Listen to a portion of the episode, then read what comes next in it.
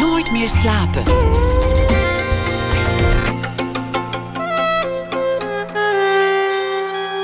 Met Pieter van der Wielen. Goedenacht en welkom bij Nooit meer slapen. Marten Visser, meestal fotograaf, maakte een film over de beroemde schilder Jan Sierhuis. Jan Sierhuis zelfportret vanaf heden te zien in de bioscoop. De oude schilder vertelt over zijn leven en hij werkt aan wat misschien wel zijn laatste zelfportret wordt. De maker van de film, Marten Visser, komt langs na ene. Thomas van Aalten die sluit de dag af met een verhaal en filmmaker Aliona van der Horst maakte een film over haar Russische familie.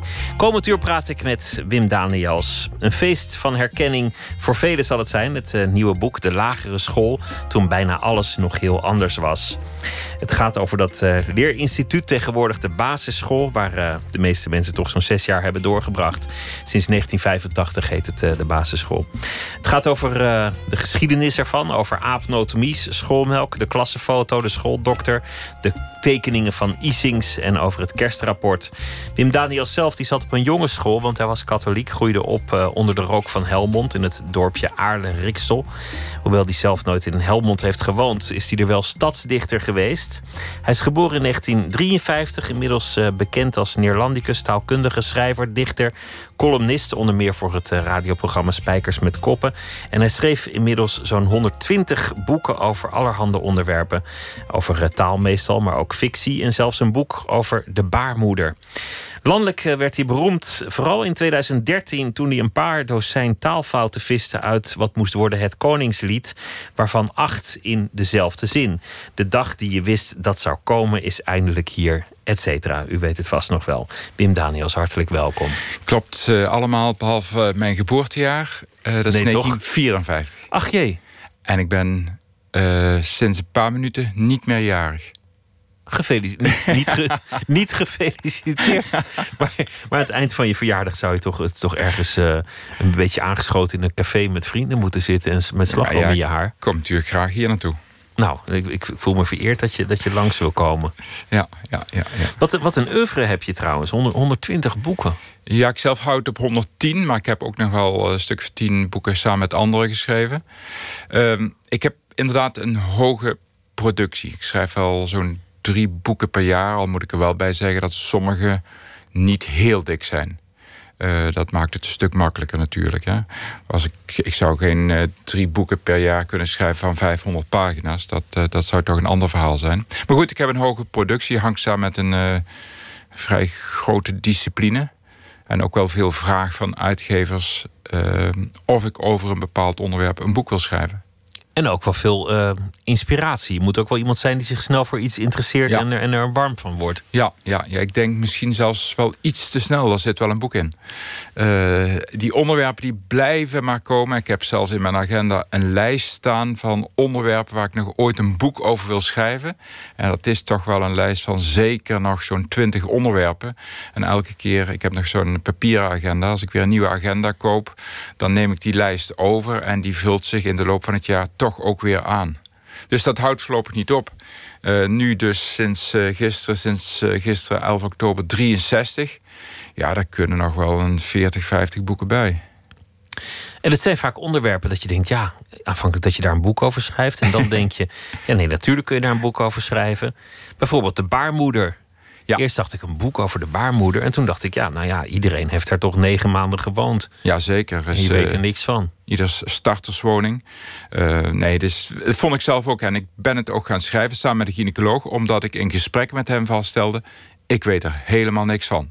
En ik, ben er, uh, ik, ik heb erin gewoond, maar liefst negen maanden lang. Iedereen heeft erin gewoond. En ik ben ook rond gaan vragen... weet je nou waar precies die zaadcel bij die eicel komt... en waar die bevruchting plaatsvindt? Dat weet bijna niemand. Ook ook vrouwen niet. En ook vrouwen die in verwachting zijn, die weten dat bijna, die weten dat bijna niet. En het hele verhaal rondom die baarmoeder, dat is zo fabuleus. Dat is werkelijk ingenieus hoe dat in elkaar zit verbazingwekkend dat het zo vaak goed gaat. Het gaat overigens ook wel vaak fout helaas. Maar... En die gynaecoloog met wie ik het boek heb geschreven... ik spreek tegenwoordig over, over mijn gynaecoloog... Uh, die is nu bijvoorbeeld bezig in België... dat kan elk moment gaan gebeuren met baarmoedertransplantatie. Uh, dat is in Nederland nog nooit vertoond, in België ook niet, in Zweden wel. Uh, dus ze gaan nu een baarmoeder uit een donor halen die bijna dood is. En die gaan ze transplanteren in een vrouw die geen baarmoeder heeft of een slecht werkende baarmoeder heeft. Omdat die vrouw kinderen van zichzelf wil hebben. En als die baarmoeder inderdaad functioneert en uh, via die baarmoeder is een kind gebaard, dan gaat die baarmoeder er ook weer uit omdat die vrouw te veel medicijnen moet slikken tegen afstoting. Maar dat soort dingen zijn wel fenomenaal. Dat, dat kan allemaal.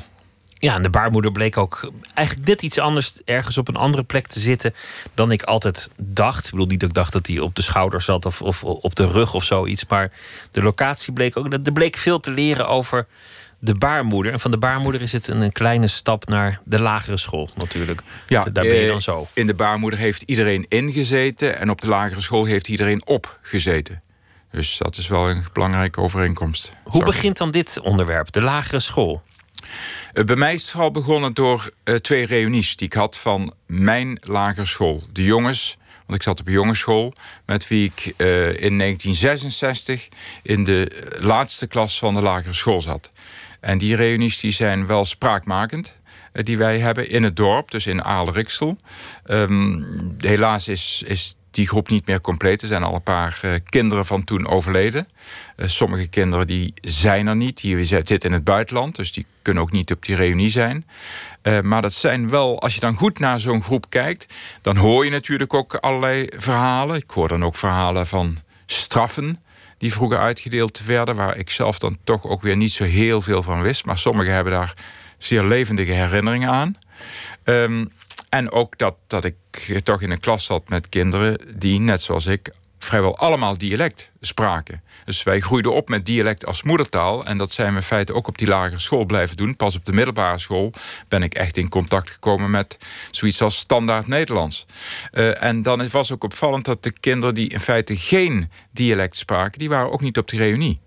Um, dus vroeger was er ook een heel belangrijk uh, standenverschil in zo'n dorp als Adelriksel en in veel dorpen. En dat werd ook wel in de lagere school zichtbaar. Het advies dat veel kinderen, zoals ik, arbeiderskinderen kregen voor het vervolgonderwijs, was over het algemeen lager dan het advies dat kinderen kregen van uh, mensen die uh, hoger opgeleid waren, die een betere baan hadden, die geen arbeiders, geen arbeiders waren.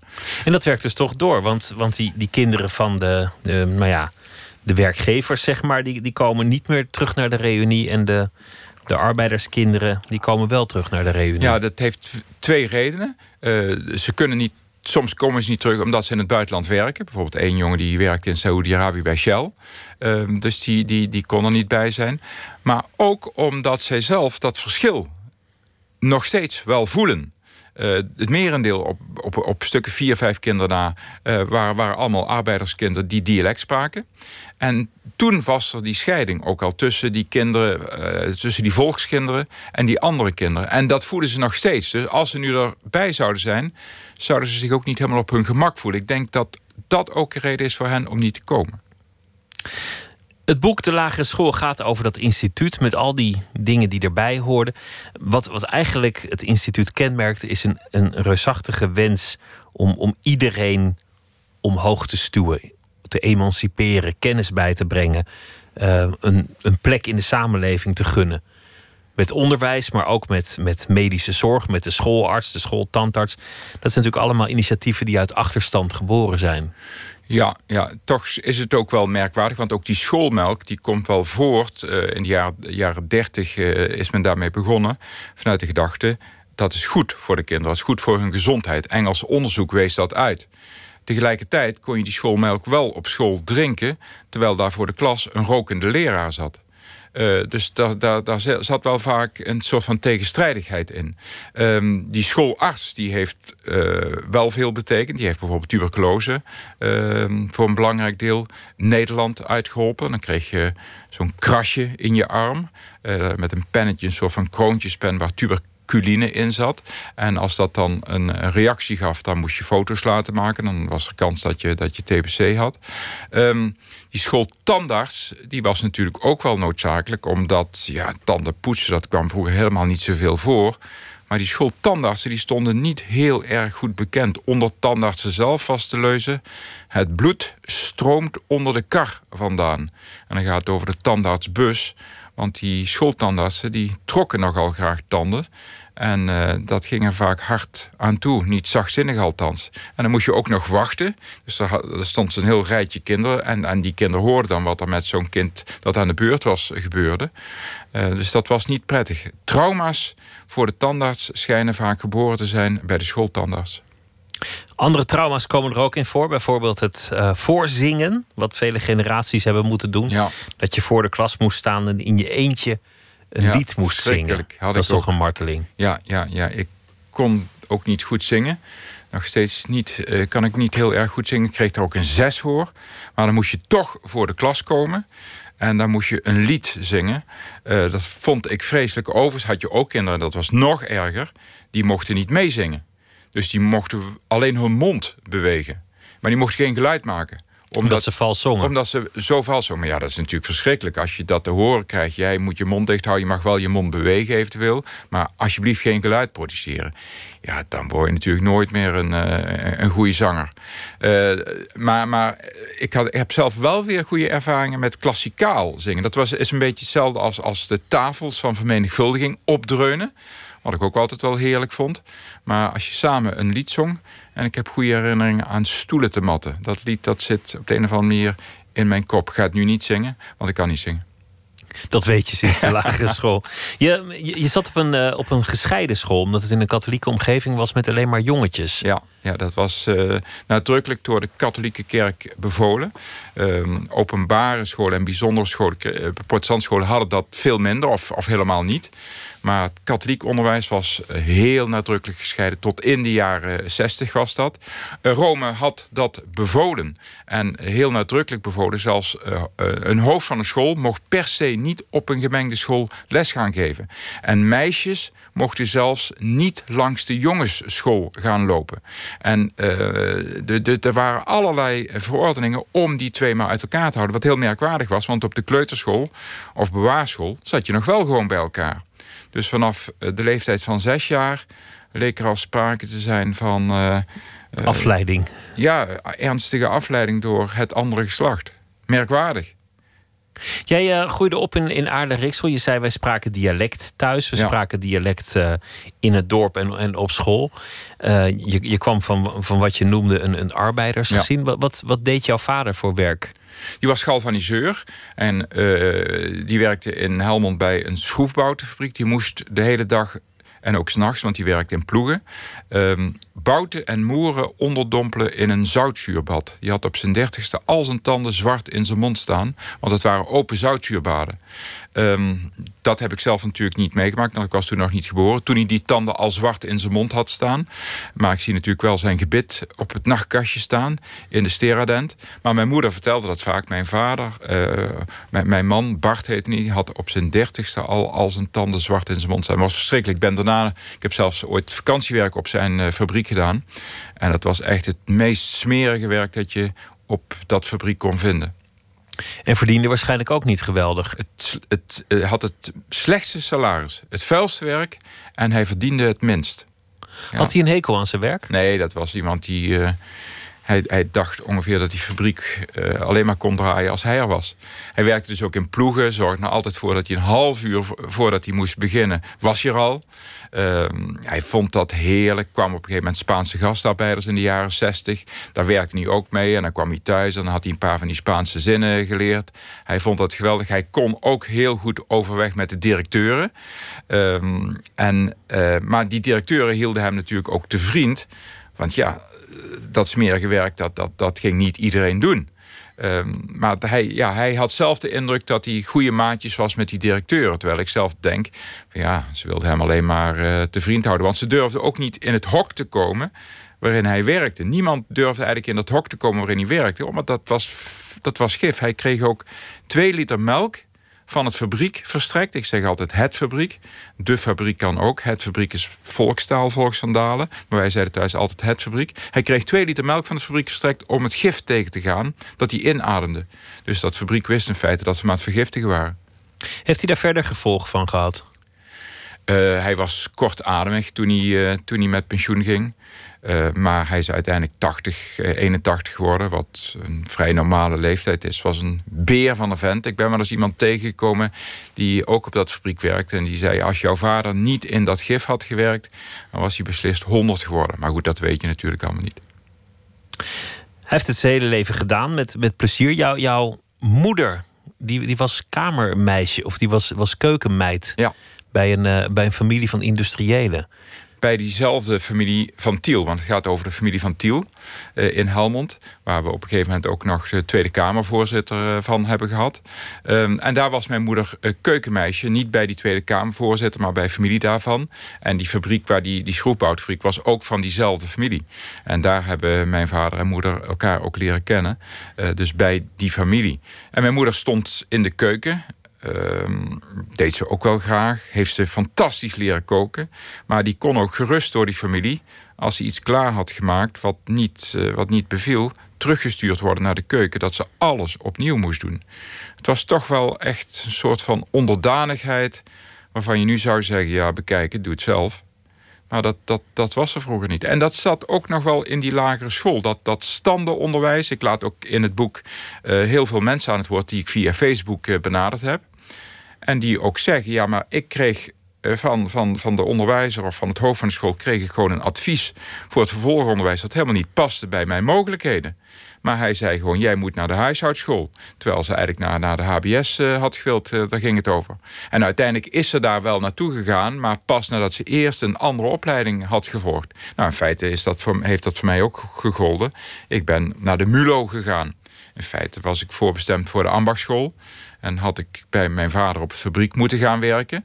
Um, maar de ULO, dat zou dan een kantoorbaan opleveren. En dat was mijn, was mijn vader zeer blij mee. Want dan kon hij zeggen, kijk, daar achter het glas, daar zit onze Wim. En dat was natuurlijk fantastisch geweest. Maar doordat die MULO er was... Uh, en doordat de Mammoetwet er kwam, dankzij Jo Kals... in 1968 is de Mammoetwet in het leven geroepen... kon ik opeens van MULO 4 naar HAVO 4. En toen ik eenmaal op de HAVO zat, kon ik naar het hoger beroepsonderwijs. En toen ik dat hoger beroepsonderwijs had gedaan, kon ik naar de universiteit. Dat is zo'n typische trapsgewijze opleiding voor een arbeidersjongen. Dus je bent echt uh, opgeklommen in één leven, kun je zeggen.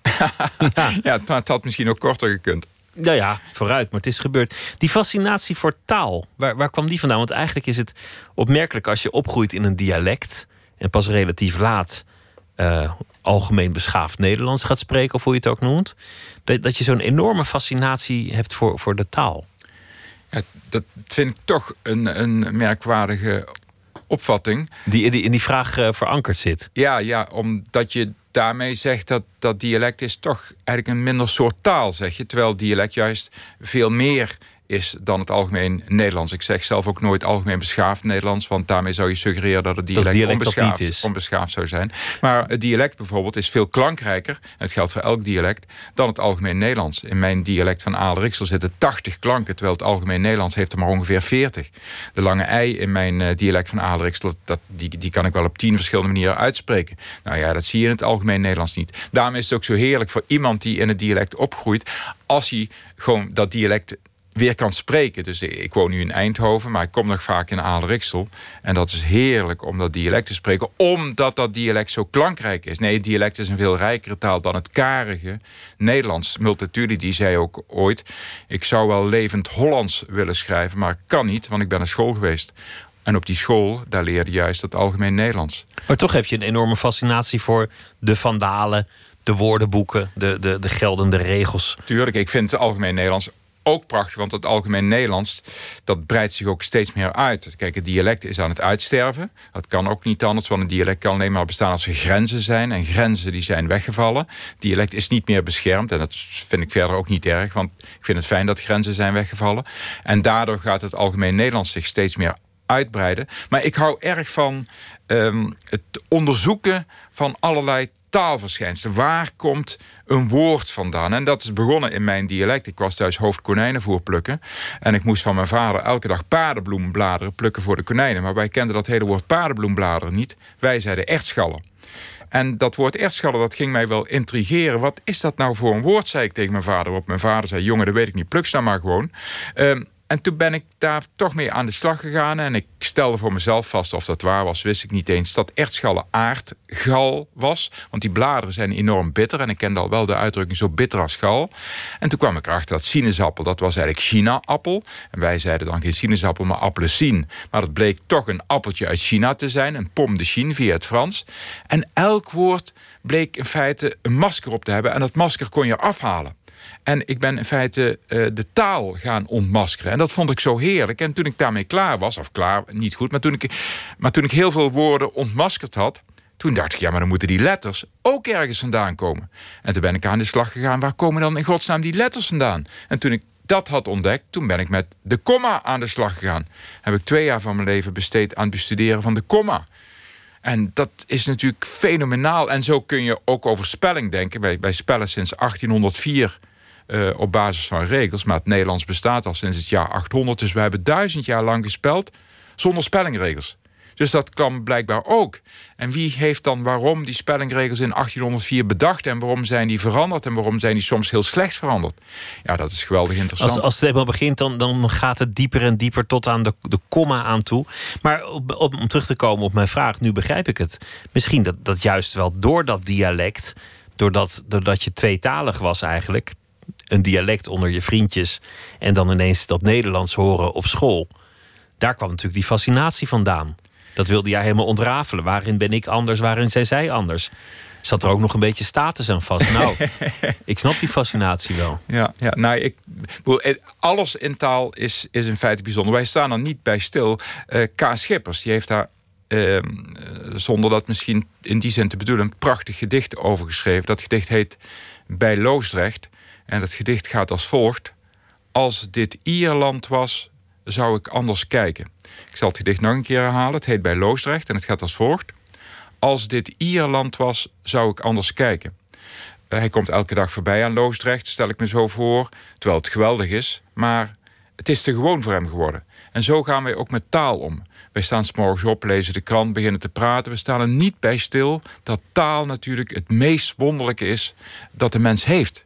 En, en, en ik heb me een beetje eigen gemaakt om daar wel naar te kijken. Naar, naar, naar die wonderlijke taal die wij hebben. Tot aan de komma aan toe. Ja, de komma is helemaal fascinerend. Uh, Louis Couperus die zei ook...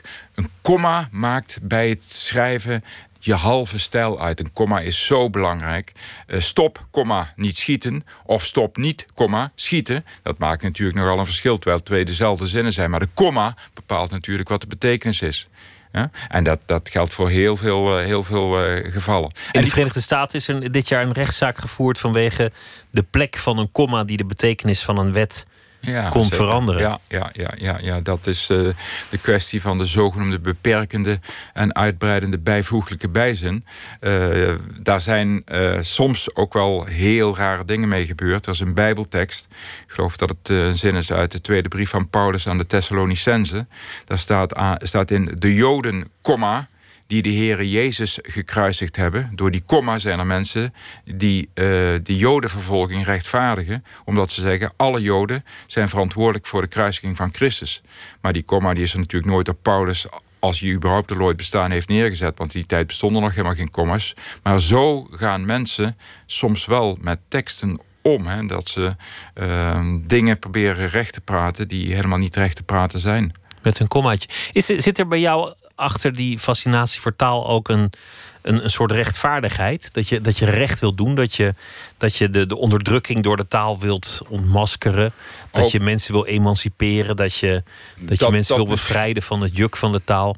Dat misschien wel. Bijvoorbeeld uh, een van die aspecten als het gaat om ja, dat, dat ik mensen daarin wel veel verander als het om taal gaat, is dat we nog heel erg vaak vanuit het mannelijke perspectief denken. De arts hij moet ook op zijn eigen gezondheid letten. Meer dan de helft van de artsen is vrouw.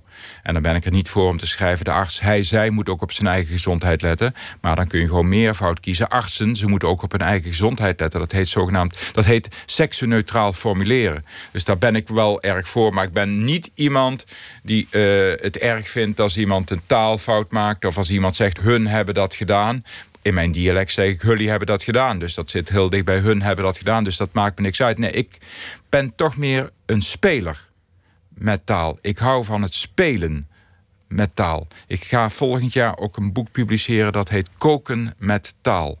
Uh, dus ik ga allerlei recepten bedenken waardoor je heerlijk met taal kunt spelen. Ik erger me ook niet gemakkelijk aan fouten die mensen maken. Kijk, en dat ik ooit dat Koningslied uh, bekritiseerd heb, ja, dat was natuurlijk ook wel een compleet waanzinnige tekst voor zo'n belangrijke gebeurtenis, zo'n slordige tekst afleveren. Ja, dat die kon je niet laten liggen. Nee, nee, nee, maar dat, dat, uh, dat is begrijpelijk. We gaan luisteren naar uh, muziek van Mavis uh, Staples. Ze zit ook al 60 jaar in het vak als soulzangeres. Ooit met de hele familie, de Staples Singers. Komt een nieuw album in november en dit nummer heet If All I Was Was Black.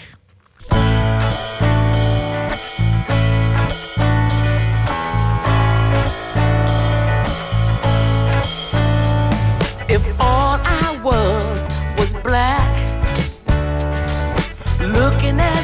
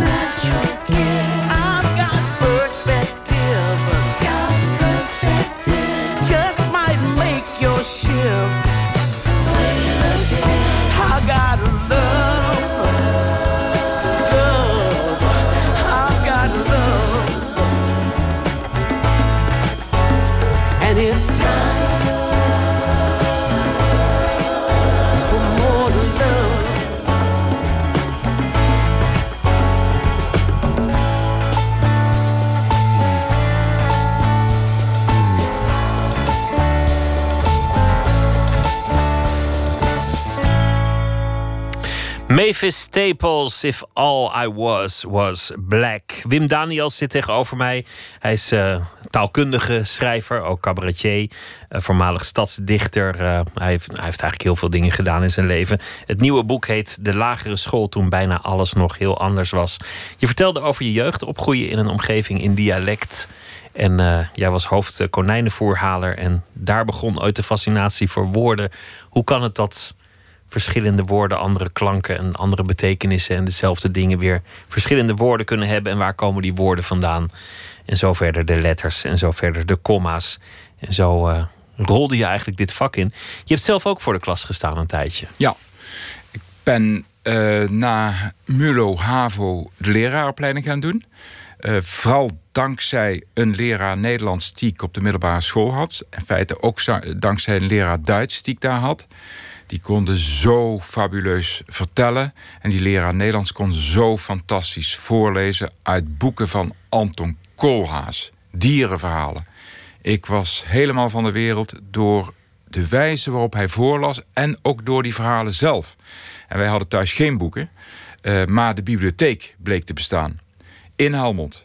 En daar ging ik naartoe en daar plukte ik een boek van Anton Koolhaas uit de kast. Een gat in het plafond heette dat boek.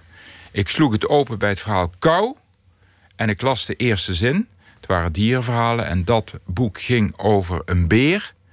En ik las die eerste zin. Ik was totaal verbijsterd. Ik ga nu citeren. Aangenomen dat alles goed is geregeld, dan ben ik de laatste tijd tamelijk nijdig, dacht de beer Burlo. Dus aangenomen dat alles goed is geregeld, dan ben ik de laatste tijd tamelijk nijdig, dacht de beer Burlo. Ik dacht, die zin die klopt niet. Daar zit iets onlogisch in. Maar ik dacht ook meteen, ja, maar een schrijver eh, van, van schrijver als Anton Koolhaas, die al heel veel boeken had geschreven toen, die gaat natuurlijk geen foutieve eerste zin opschrijven. Dus daar moest iets achter zitten wat ik niet snapte. Aangenomen dat alles goed is geregeld, dan ben ik de laatste tijd tamelijk nijdig. En toen trok ik op een gegeven moment de conclusie: in taal is alles mogelijk. Ook dingen die niet logisch zijn, kun je toch opschrijven. En dat vond ik zo fantastisch. Veel later las ik een gedicht van, van Hans Andreas. Dat heette Eenvoudige Semantiek. En semantiek is betekenisleer. En dat gedicht dat gaat als volgt. Ik ben bang voor, maar ook benieuwd naar... het meervoud van bijvoorbeeld stoelen. Ik ben bang voor, maar ook benieuwd naar... het meervoud van bijvoorbeeld stoelen. Dan kun je zeggen, ja, wat een onzin, want stoelen is al meervoud. Maar dat is wat wij in eerste instantie zien. Maar achter die werkelijkheid die er is, daar zit iets anders. Die, die, die woorden die wij zien, die hebben allemaal een masker op. Dat masker kun je eraf halen. Dus achter de taal gaan kijken, dat ben ik daardoor gaan doen. En door die eh, docent Nederlands, Harm Savenijen...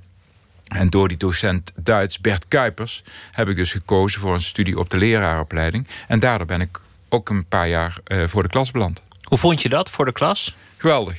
Ja, maar wel heel intensief. Maar ik vond het prachtig om met die kinderen eh, aan de slag te gaan. Ehm, maar na een jaar of vijf... Nou, ik nam ook alweer snel ons, ontslag overigens. Omdat ik op reis wilde. Eh, in de jaren tachtig eh, hadden veel mensen de behoefte om op reis te gaan. En ik had een vriendin en wij wilden een wereldreis maken. En in die tijd werd gezegd, ja, maar dat moet je niet doen... want je kunt nooit meer aan een baan komen als je terugkomt. En toen hebben we een uh, retourticket van een jaar gekocht... Uh, Amsterdam-New York. En toen zijn we dwars door de Verenigde Staten geleefd... van New York naar San Francisco. En vervolgens afgedaald naar Mexico. Zijn we nog in Cuba beland. In Nicaragua hebben we koffie geplukt... want het was net de tijd dat Nicaragua bevrijd was van Somoza... van de dictatuur van Somoza. Costa Rica zijn we nog geweest. En toen zijn we uiteindelijk, na een jaar, zijn we weer teruggekomen. Maar ik kwam op Schiphol aan en ik kocht een krant en er stond een vacature in, een vervanging op een school in Blerik in Noord-Limburg. En ik kwam vrijdags terug en maandag stond ik weer voor de klas.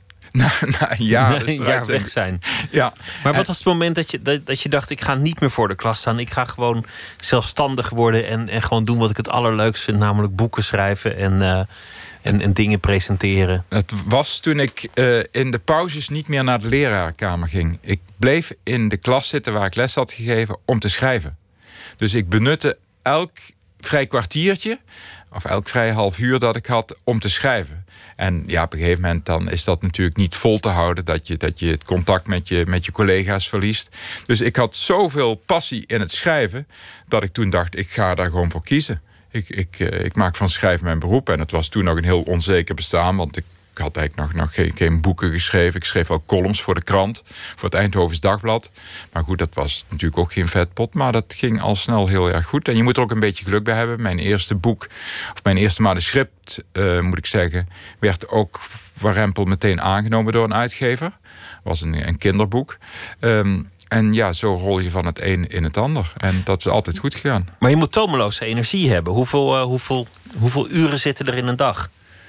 Ja, ik maak wel meters als ik schrijf. Eh, kijk, in non, ik schrijf ook veel non-fictie. hè. Eh, non-fictie is natuurlijk wel iets makkelijker dan fictie schrijven. Bij fictie gaat het toch ook vooral om veel inspiratie hebben. Bij non-fictie gaat het om veel onderzoek doen. Ehm, dus ja, Eh, ik weet niet precies hoe de verhouding is tussen fictieboeken en non-fictieboeken die ik heb geschreven. Maar ik denk dat ik meer non-fictie heb geschreven dan, dan, dan fictie. Dus dat is iets makkelijker, denk ik zelf. En als ik schrijf, dan, dan, ja, dan produceer ik ook wel iets. Ik zit, ik zit niet uren voor me uit te staren op een, en te denken... oh, als ik nu maar de volgende zin weet. Nee, nee, nee. En ik herschrijf ook veel. Hè. Ik bedoel, het is niet zo dat het in één keer goed op papier komt. Helemaal niet. Dus ik herschrijf, eh, herschrijf ook veel. Gewoon gaan zitten en, en hard werken en gewoon door. En, en de, de rest van het gezin, die, hebben daar, eh, die, die, die moeten jou dan mijden of zo? Heb je een aparte ruimte waar niemand mag komen? Ik, ik sprak gisteren Aaltje van Zweden, de vrouw van Jaap van Zweden. Aaltje heeft een eh, boek geschreven over eh, hun autistische zoon, Ben, Benjamin. En Aaltje vertelde dat Jaap, en het staat overigens ook in het boek dat ze heeft geschreven... Jaap zit in de huiskamer gewoon muziek te studeren. En eh, zijn, zijn, zijn stukken die hij moet dirigeren voor te bereiden. Dus niet in een aparte kamer, maar gewoon in de woonkamer zit hij. En dan zit hij ook bewegingen te maken en paparazzen liggen allemaal eh, om hem heen. Dat geldt voor mij ook een beetje. Dus niet op het gebied van muziek, maar ik zit niet in een afgesloten ruimte. Ik heb. Ik kan, wel wat beweging om me heen gebruiken. Dat vind ik wel fijn. Eh, het is ook niet zo dat ik midden in de kamer zit, maar de deur staat bij mij gewoon open en iedereen kan binnenkomen. En ik werk in feite in wat de speelkamer van de kinderen heet. En de kinderen zijn inmiddels groot. eh, maar ik zat altijd in de speelkamer waar de kinderen gingen spelen als ze uit school kwamen. Je bent, eh, de, inspiratie voor dit boek kwam, kwam van een schoolreunie. Als jij terugkomt in, in de omgeving Helmond, waar je, waar je bent opgegroeid... en vooral in, in het dorp, ben je, ben je dan een geslaagd man? Ben je, ben je dan een, eh, een bekende Helmondenaar inmiddels? Aarle Riksel, hè? Aarle Riksel. Ja. Ja, eh, dat Riksel. tegenwoordig over Slaabeek heet. Dat is een fusiegemeente van Lieshout, Beekendonk, Mariahout en Aarle Riksel. Ehm, ik kom daar graag. Ik bedoel, ik, ik ben gewoon dezelfde jongen die ik vroeger was. Ik bel zelfs nog wel eens. Nee, dat kan nu niet meer. Maar tot, tot een paar jaar terug belde ik nog wel eens aan bij de buren van eh, waar, ik vroeger bij, eh, waar ik vroeger woonde, waar ik op ben gegroeid. En dan eh, zei, zei ik altijd tegen eh, Annie, Annie van den Boogaard woonde daar, onze buurvrouw van vroeger. Annie, heb je nog een snoepje voor mij? Ik kwam er gewoon een, een snoepje uit. Ik kreeg van Annie's vroeger altijd een snoepje. Nee, ik kom daar graag en ik, ik bedoel, ik, ik, ik ben niks aparts. Jouw vader was de dorp Sinterklaas. Ja, Dus die had al een heel centrale positie in, in die gemeenschap. Mijn vader was echt een dorpsfiguur. Ehm, de Rooien Bart heette hij. Hij had eh, rood haar, hoewel ik dat zelf nooit gezien heb. Want eh, toen was hij toch al behoorlijk kaal. toen, eh, toen, ik ben de jongste thuis. Ehm, maar hij was Sinterklaas. Hij speelde toneel in het dorp. Hij was overigens wel een bijzonder slordige Sinterklaas, moet ik zeggen hoor. Eh, die baard die hing er vaak toch maar half, eh, half aan. Ehm, hij, nam het ook niet zo nauw met wat hij tegen de kinderen zei. Hij dronk ook wel eens een borreltje onderweg. Eh, en ik heb ook wel eens op zijn eh, schoot gezeten zonder dat ik in de gaten had dat het mijn vader was. Het was, het, was een, het was echt een dorpsfiguur die ook iedereen groette. Dat heb ik wel van hem overgenomen. Ik ben wel een groeter geworden. Ik groet graag mensen als ik Je onderweg maakt ben. ook praatjes met iedereen. Ja, ja, ja, ja, als ik ga fietsen, want ik ga veel fietsen, dan uh, mijn fietsen bestaat vooral uit afstappen. Dus ik stap graag af en niet, niet dat ik uren met mensen ga staan te praten, maar ik maak graag een praatje met, uh, met mensen. Die fascinatie voor taal, wat, wat er eigenlijk ook raar aan is, is natuurlijk de oervraag: waar komt het vandaan? De taal. Ja, wanneer hebben wij taal gekregen? Wanneer werd het kwetteren van een vogel of, of het mouwen van een kat bij deze diersoort ineens taal? En, en met ja. welk doel deden we dat? Ja, er zijn verschillende theorieën over. Een van de mooiste, en die klinkt misschien een beetje absurdistisch, maar die is toch wel vrij houdbaar, uh, is dat um, uh, wij zijn gaan praten. Kijk, schrijven doen we pas heel kort. Dat doen we pas zo'n 7.000, 8.000 jaar. Dus eigenlijk, schrijven is eigenlijk een hele jonge bezigheid. Maar praten doen we een paar honderdduizend jaar al. Maar dat zijn we gaan doen eh, toen we onze beharing zijn gaan verliezen. Er was een, eh, een, een man, Toevallig komt hij uit Helmond, G. Rijmakers. Die was eh, zenuwarts in het eh, ziekenhuis in Helmond. Die is na zijn pensionering gaan promoveren op het spraakorgaan van chimpansees. En die heeft vastgesteld dat die chimpansees voor 96% hetzelfde spraakorgaan hebben als mensen. En die 4% die ze missen zijn geen essentiële onderdelen. Dus die apen zouden kunnen praten, maar ze verdommen het. Ze doen het niet. En waarom doen ze het niet? Ze doen het niet omdat ze elkaar vlooien. En ze vlooien elkaar niet omdat ze vlooien zouden hebben. Want die vlooien zijn er lang uit. Want die hebben elkaar zo vaak gevlooid. Die vlooien hebben ze niet meer. Maar die vlooien elkaar omdat dat hun manier van communiceren is. En wij mensen, wij zijn onze beharing verloren. Wij kunnen elkaar niet meer vlooien. Daarom zijn we gaan praten. Omdat we, dat we toch een bezigheid moesten hebben. Nou ja, communiceren met elkaar is, is wel belangrijk. Hè? Ik bedoel, je, je, je, je leeft niet alleen op de wereld. Je wilt contact maken met, met iemand anders. En... ehm, dat kan dus zoals bij apen via vlooien gaan. Maar goed, als je elkaar niet meer kunt vlooien... omdat die haren er niet meer zijn... dan zoek je naar andere middelen. Dat is één van de theorieën. En die klinkt, zeker omdat ik heb gezegd... dat die arts uit Helmond kwam, misschien een beetje carnavalesk. Maar dat is wel één van de theorie, serieuze theorieën... die er, eh, die er zijn over, eh, over het ontstaan van spraak bij mensen. En was dan het, evolutionaire voordeel dat je kunt coördineren? Van eh, pak jij hem van links, dan kom ik van rechts. Of was het meer, meer seksuele selectie? Dat je zoals een zangvogel mooier gaat kwetteren om indruk te maken dat wij elkaar verhalen gingen vertellen. Zeer waarschijnlijk heeft het wel te maken met overleven. Dus eh, als je wilt overleven, dan moet je steun bij elkaar zoeken. Je moet elkaar boodschappen geven. Je moet eh, elkaar waarschuwen voor gevaar dat het dreigt van dieren of van een ander soort eh, mens dat er mogelijk ook leeft. Dus zeer waarschijnlijk heeft taal te maken toch met zien te overleven. En in die zin is taal ook, ook steeds verder ontwikkeld, omdat die overlevingsdrang er altijd is geweest, of die, die noodzaak om te overleven er altijd is geweest. Maar het, blijft een, een, wonderlijke vraag. Want het eerste schrift, dan kan je nog een soort spijkerschrift vinden. Of een, eh, of, of een, een dode. Of, of andere oude geschriften. Dus dan kan je nog een beetje terughalen. Maar we hebben natuurlijk geen, geen opnames van die eerste spraak. Nee, nee, nee, nee, dat blijft vooralsnog eh speculeren. Eh, vandaar dat er ook verschillende theorieën zijn. Ik bedoel, het kan ook imitatie zijn geweest. Hè. Je hoort een geluid en dat geluid ga je imiteren. Eh, je ziet ook heel snel als, als, als mensen een verschillende richting opgaan... dat hun spraak ook uit elkaar gaat. Dat ze een andere taal gaan spreken. Je gaat naar een ander gebied toe. Eh, je komt in de bergen terecht. Je komt dingen tegen die je niet kent. Daar moet je nieuwe woorden voor bedenken. Maar in de bergen is de luchtdruk ook anders. Dat heeft een effect op je stembanden. Dus je gaat ook een ander stemgeluid eh, ontwikkelen. In feite zag je al, als mensen uit elkaar gaan... dat talen eh, ook uit elkaar gaan... toen de muur in Berlijn er neer werd gezet toen kreeg je al snel twee verschillende soorten Duits. Dus toen kreeg je dat op een, op, ja, zeg maar op een paar vierkante meter kreeg je dat al. En dat kun je natuurlijk voorstellen als mensen naar heel andere streken trekken... dat die talen zich echt eh, heel sterk ontwikkelt. Heel, die verschillen zich heel sterk eh, ontwikkelen. Het is, een, het is een heel mooie bril om door naar de mens te kijken. En naar de wereld, die taal. Je, Ja. je, je leert iets over culturen, over de geschiedenis, over de biologie, over eh, de macht, Ja, ja, ja, over het geld. Ja. Je kunt eigenlijk alles te weten komen via die taal. Nou ja, kijk, wij zijn ook, er is ook ooit een boek over geschreven, het taaldier mens. Ja, wij zijn gewoon dieren, maar doordat wij taal hebben, zijn we in zekere zin de dieren ontstegen. En kunnen we nadenken over onszelf. En kunnen we dingen bespreken met elkaar. Eh, dus dat is anders dan wanneer je alleen maar instinctmatig bezig kunt zijn. Dus die taal is, is wat, wat ons maakt in feite. En dat is natuurlijk wel, ja, daarom is die taal ook zo geweldig interessant en ook belangrijk. Maar je zei net, ik, ik ben niet een taalpurist. Ik erger me Nee, niet, helemaal aan, niet. aan hij heb of, of eh, hun heb. Of, Nee, eh, nee. En, het, en het stoort me ook niet zo, zozeer dat, dat, dat wij veel woorden uit andere talen hebben overgenomen. Ik ben niet iemand die, eh, die gemakkelijk eh, not done en dat soort woorden gaat zeggen. Maar als je naar het Nederlands kijkt, dan moet je gewoon vaststellen... ja, het stikt van de vreemde woorden. Ook dat heb je vaak niet meer in de gaten. Maar kelder en zolder zijn ook in oorsprong geen Nederlandse woorden. Het is overigens niet zo dat wij eh, vooral veel Engelse woorden in onze taal hebben. Want het merendeel van de woorden die wij in onze taal hebben uit het buitenland... die komen uit het Frans. Het stikt van de Franse woorden. En dat Frans komt dan weer uit het Latijn natuurlijk. Maar dat, dat, dat stoort mij eh, niet erg. Ik geniet vooral van de taal.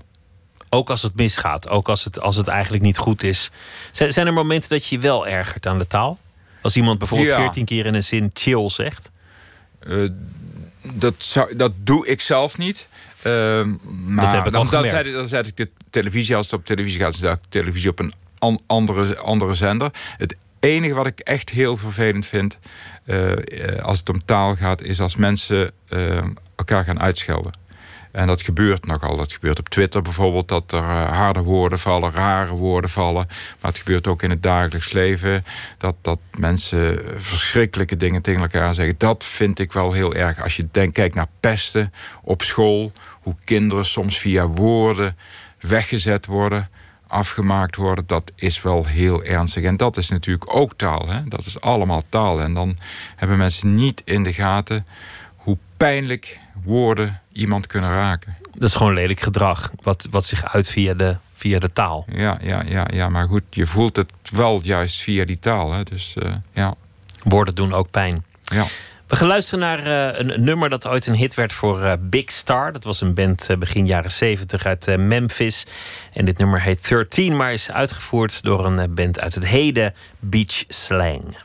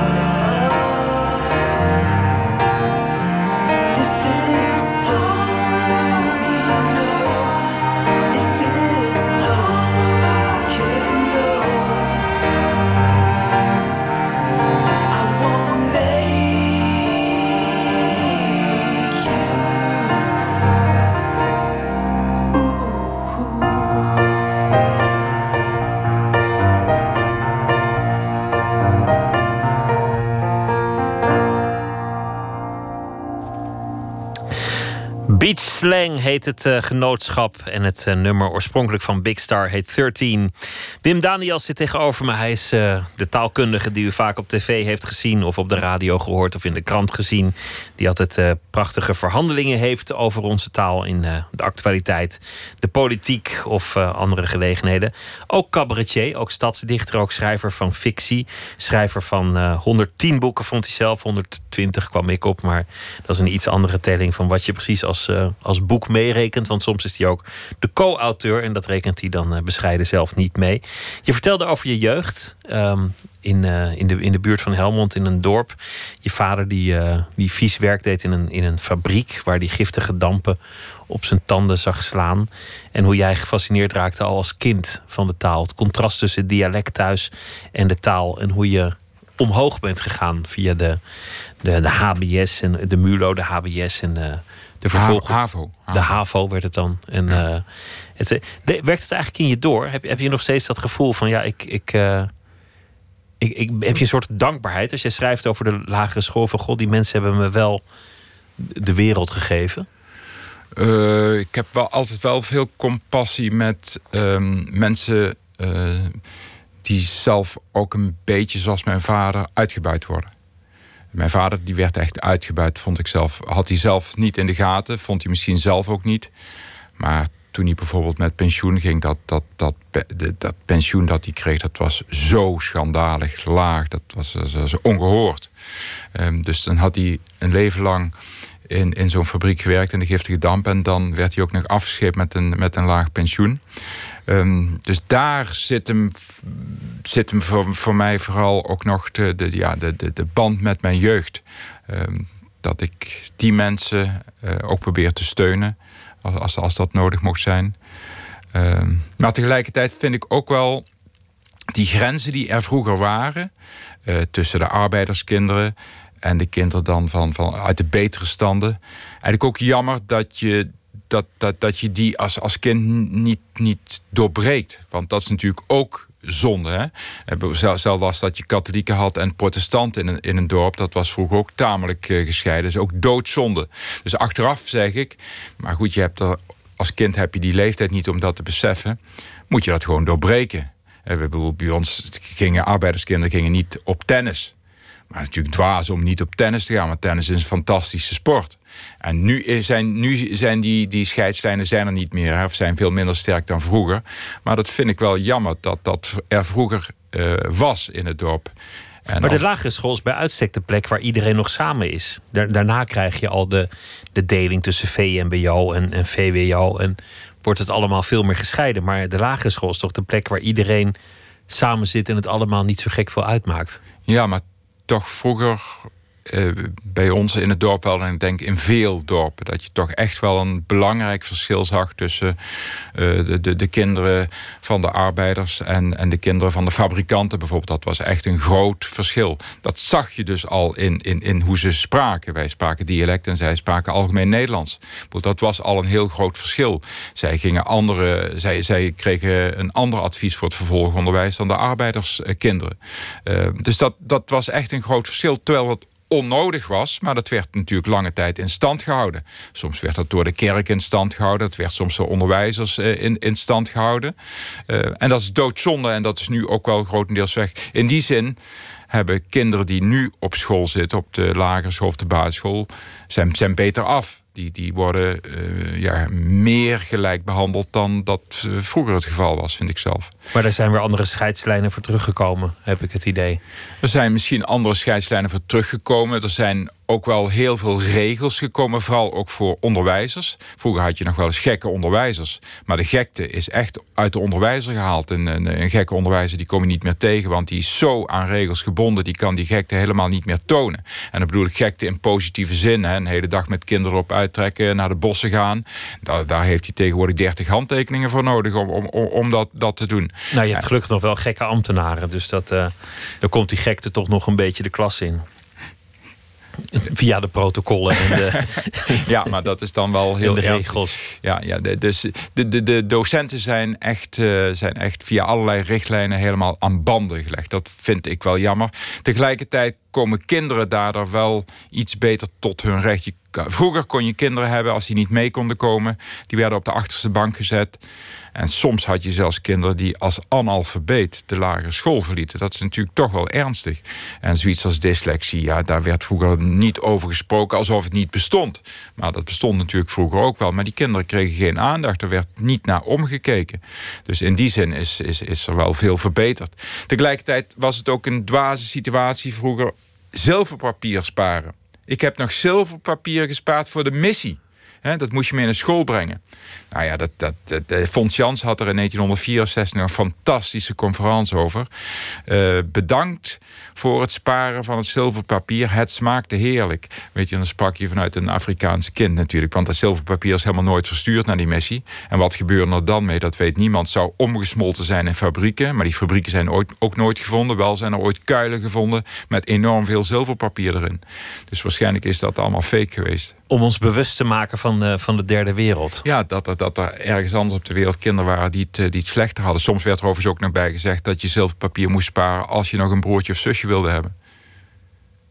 met, zilver, met zilverpapier? Ja, ja, ja, ja. Dat was ook om je maar aan te zetten. Dus ga nou, doe nou iets uh, goeds voor, voor die kinderen die het, die het moeilijker hebben. Ja, dat, je werd natuurlijk uh, op allerlei manieren voor de gek gehouden voor.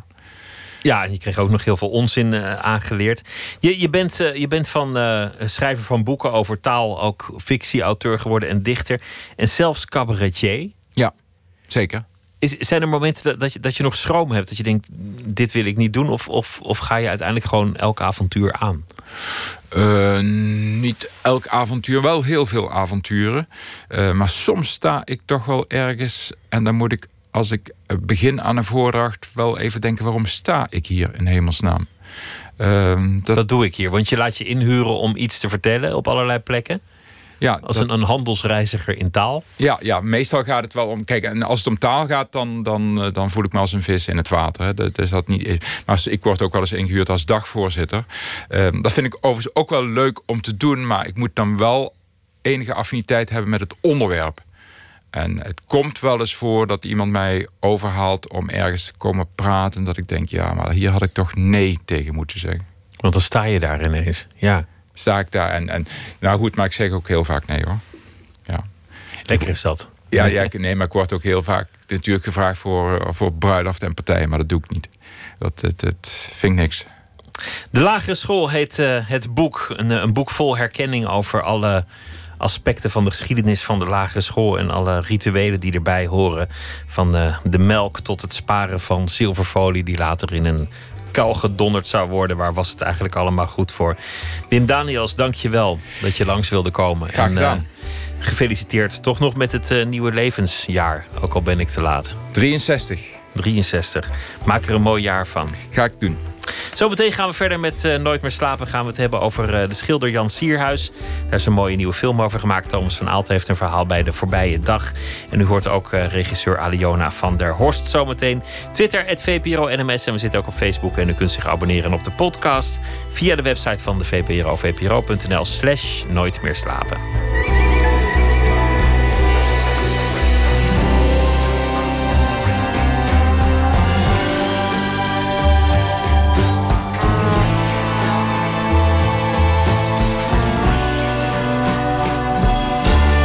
Radio 1. Het nieuws van alle kanten.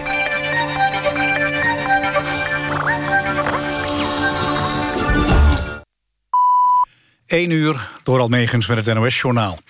Paus Franciscus heeft het ontslag van een Indonesische bisschop geaccepteerd. Hubertus Leteng wordt ervan beschuldigd dat hij een affaire had... dat hij zich ruim 100.000 euro uit kerkfondsen heeft toegeëigend. De zaken kwamen in juni aan het licht... doordat 70 pastoors uit zijn bisdom uit protest opstapten. De bisschop spreekt de beschuldiging van een minares tegen... en zegt dat hij het geld heeft gebruikt om opleidingen voor arme jongeren in Indonesië te bekostigen. De Nederlandse Voedsel- en Warenautoriteit biedt de vegetarische slager excuses aan. De etiketten met namen als kipstukjes en spekjes met CK kunnen gewoon blijven. Volgens de NVWA sloeg de kritiek niet op de etiketten... maar op teksten op de website, en die zijn inmiddels aangepast. Er ontstond veel ophef nadat de NVWA de vegetarische slager op de vingers had getikt. De dienst betreurt dat, staat in een verklaring. Een dierentuin in de buurt van Antwerpen moet van de Vlaamse overheid dicht. Volgens de minister van Dierenwelzijn is het in de Olmense Zoo... slecht gesteld met de leefomstandigheden voor de dieren worden ongeveer duizend dieren gehouden... waaronder olifanten, zebra's, leeuwen en apen. De plaatselijke burgemeester vindt de minister te streng... en wijst op het belang van de dierentuin voor het toerisme. Op de Atlantische Oceaan is de tropische storm Ophelia in kracht toegenomen... tot een orkaan van de eerste categorie. De orkaan bevindt zich nu op ongeveer 1200 kilometer van de Azoren... en trekt richting Europa. Volgens modellen van het Amerikaanse National Hurricane Center... trekt de orkaan komend weekend langs de noordkust van Spanje maar komt de storm er niet aan land. Ophelia zou maandag wel Ierland kunnen bereiken... al is de orkaan dan mogelijk weer afgezwakt tot een tropische storm. Het weer, een gebied met regen en motregen, trekt vannacht over het land... en het wordt niet kouder dan 13 graden. Overdag klaart het vanuit het westen op. Smiddags breekt de zon door. Het wordt 14 tot 17 graden. Vrijdag en in het weekend stijgen de temperaturen verder. Tot zover het NOS Journaal. Verkeersinformatie door een ongeval is de A58 van Breda naar Tilburg... bij knooppunt De Baars afgesloten in de richting van Eindhoven. Het verkeer in de richting van Eindhoven wordt omgeleid via Den Bosch. En op de A7 afsluitdijk richting Heerenveen... tussen Sneek-Oost en knooppunt Jouren een file van 2 kilometer. Dat was de verkeersinformatie. NPO Radio 1. VPRO. Nooit meer slapen.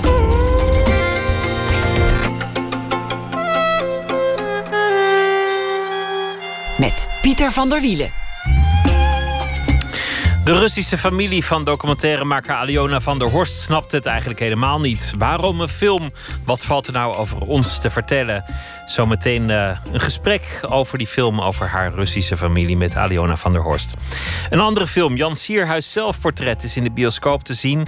Marten Visser die volgde de kunstenaar terwijl hij zijn levenswerk eh, maakte. Zijn laatste zelfportret en hij vertelde zijn levensverhaal. Daarover eh, zometeen meer. Thomas van Aalt die heeft een verhaal bij de voorbije dag.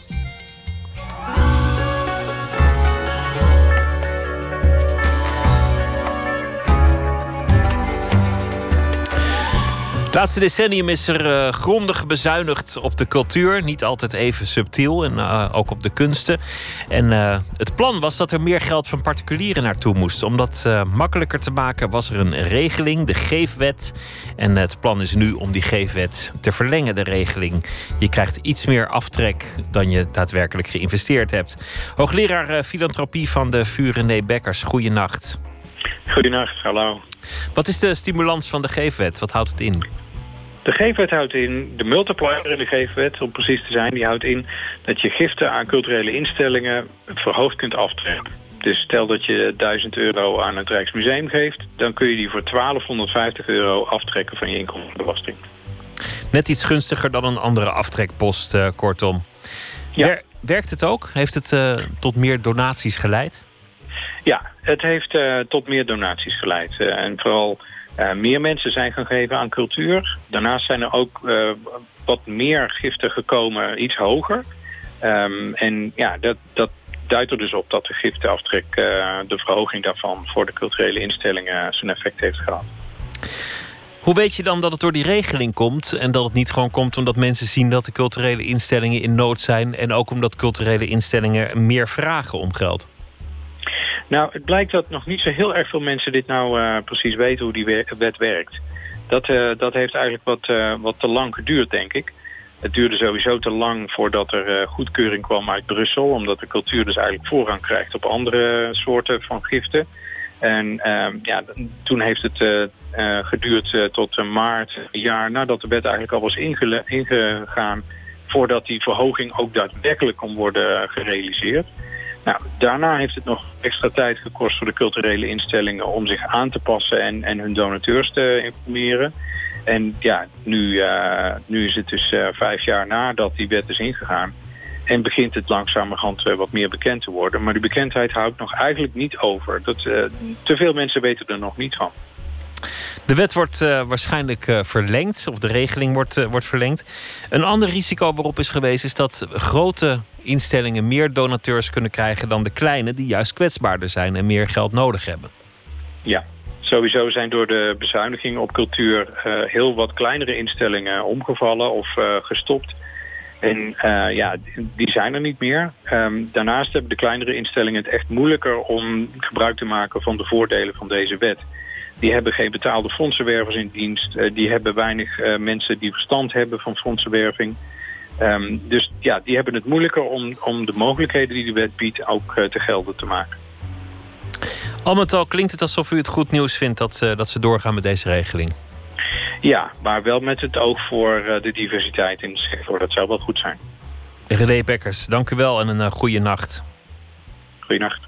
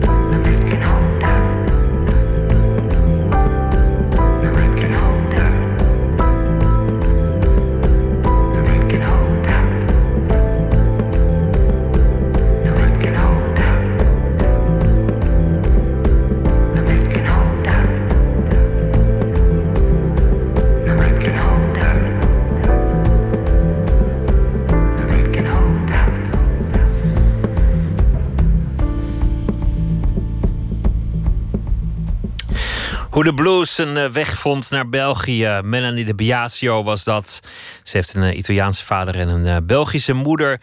Via de rockmuziek en de blues kwam ze terecht in de jazz met haar eigen stijl en geluid. En van het nieuwe album was dit het nummer Let Me Love You. Nooit meer slapen. Filmmaker Aliona van der Horst werd geboren in Moskou. Ze had een Nederlandse vader en een Russische moeder, maar ze groeide op in Nederland. Wanneer ze een deel van het oude huis erft van haar oma, besluit ze een film te maken over haar familie. Het trauma waar die doodnormale familie onder lijdt, is eigenlijk het trauma van heel Rusland. Emmy sprak met de filmmaker. Mijn moeder zei altijd, eh, als, eh, als Nederland overstroomt, dan eh, kan je daar in ieder geval schuilen. Heb je daar je eigen plekje Rusland. Een zesde deel erfde Aliona van der Horst van het piepkleine vervallen houten huis van haar oma. Haar moeder groeide daar op, op het platteland niet ver van Moskou. Раз, два, три. Вот так, примерно вот три метра, да? Met grote passen meet de neef van Van der Horst uit welke ruimte precies van haar is. Вот, смотри, вот до этого. Dat bleek een eh, kamertje van eh, 6 vierkante meter, 2 bij 3.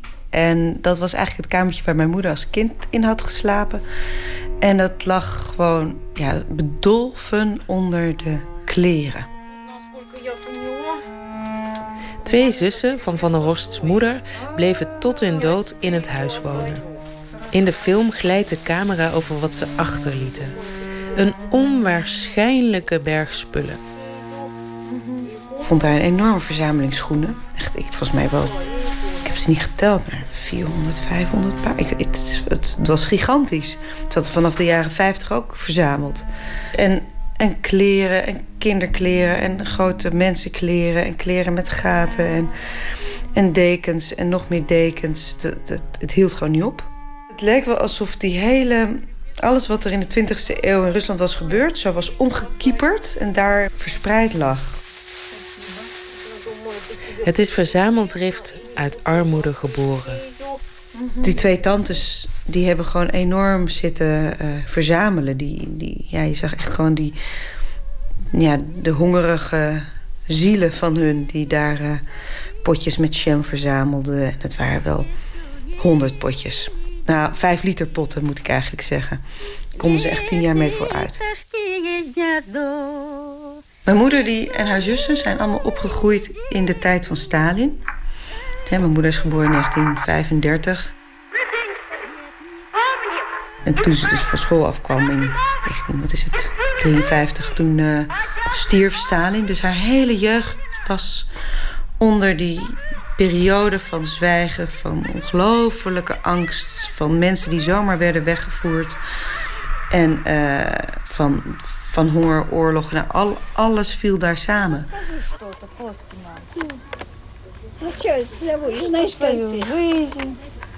Ik had ooit mijn oma opgenomen op een bandje. Waarin ze vertelt op wat voor manier ze haar twee kinderen uh, verloor. En het is dan niet zozeer alleen het feit dat, dat, die, dat die kinderen stierven... maar dat ze gewoon dus niet ja, erbij mocht zijn terwijl ze aan het sterven waren. Want ze moest, naar de, ze moest werken op het land.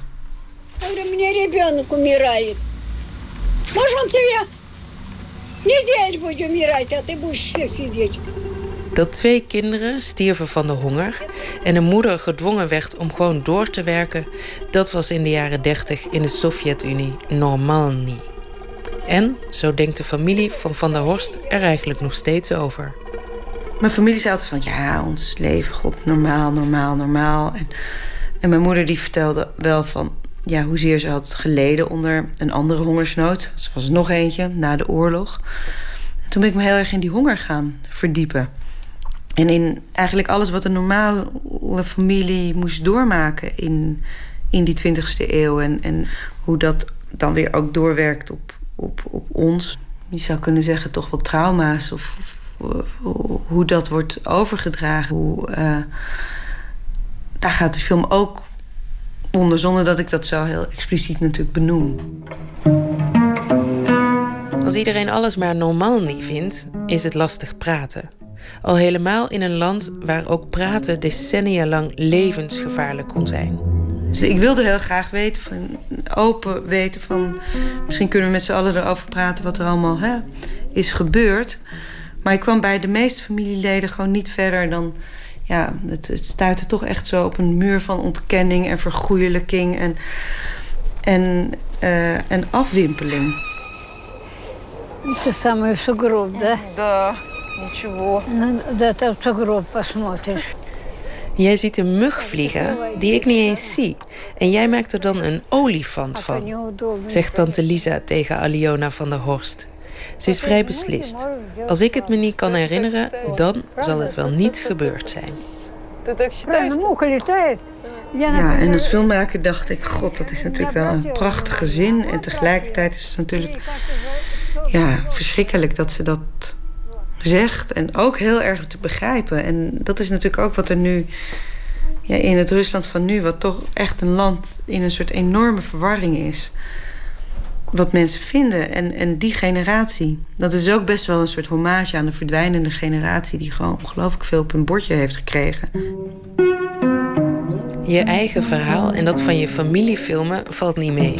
Aliona van der Horst voelde zich af en toe de vis de visser en de kok tegelijk. Jarenlang heeft ze eraan gewerkt. Haar nicht bezag het zachtmoedig, maar haar neef die dacht er zo het zijne van. Ja, die had toch wel een beetje zo zijn bedenkingen. Die zei op een gegeven moment van... ja, je denkt vast dat... Uh, dat uh, je gaat dit nu in Nederland laten zien... en dan denkt uh, Nederlands vast dat alle huizen smerig zijn in Rusland... en dat Russen hun huizen niet schoon kunnen maken. En ja, ik probeerde hem uit te leggen dat dat niet mijn bedoeling was. Maar ik geloof niet dat dat is uh, overgekomen. En hij wilde natuurlijk die zes vierkante meter van je. Ja, dat, uh, dat, dat, maar dat heeft hij heel, heel subtiel gedaan. Hij is zelf trouwens... Uh, was hij van de verkeerspolitie. En hij heeft me wel eens verteld dat een van de oefeningen die hij moest doen Dat hij moest twee eieren pakken, in, en rauwe eieren, in zijn zak stoppen. En dan werd hij uitgescholden door iemand die, eh, een soort acteur. En dan moest hij niet reageren en die eieren moesten heel blijven. En ik had het gevoel dat hij soms op die manier met mij sprak. En dat die eieren maar heel moesten blijven. Dat hij dacht, ga nou weg. Schiet nou op met die film. Ik wil iets doen met dat huis. En dat kon hij niet tegen me zeggen. Want ja, hij wilde me ook niet wegjagen. En hij wilde toch wel een goede relatie met me houden. En dus dat zat er de hele tijd onder. Ja, nee, mijn moeder, ja, ik, ik voelde natuurlijk... Ze was heel moedig en ook heel angstig. En ja, hoe uit het zich in getraumatiseerde mensen? Ja, ik denk dat het op heel veel manieren... Ja, ik denk dat ze ook... Die heeft altijd heel veel angsten gehad. Waar ze wel dwars doorheen ging, hoor. Daar niet van. En ze was ook... En ik denk, al mijn tantes zijn echt heel dominant. Echt extreem dominant, zou je kunnen zeggen. Eén tante was best wel een behoorlijke hypochonder. Die dacht de hele tijd dat haar hart daaraan zou gaan. En eh, nou ja, echt allemaal dat soort psychosomatische dingen. Wij noemen dat psychosomatisch. Voor haar was het gewoon echt. En dat was ook de enige manier om een soort, eh, ja, hoe zeg je dat? eh, aandacht te krijgen voor haar psychische pijn. Die eigenlijk verboden was om daar aandacht aan te schenken. hè. Want dat, dat is wat er gebeurt. Dat, dat, dat mag niet. Dat mag niet bestaan.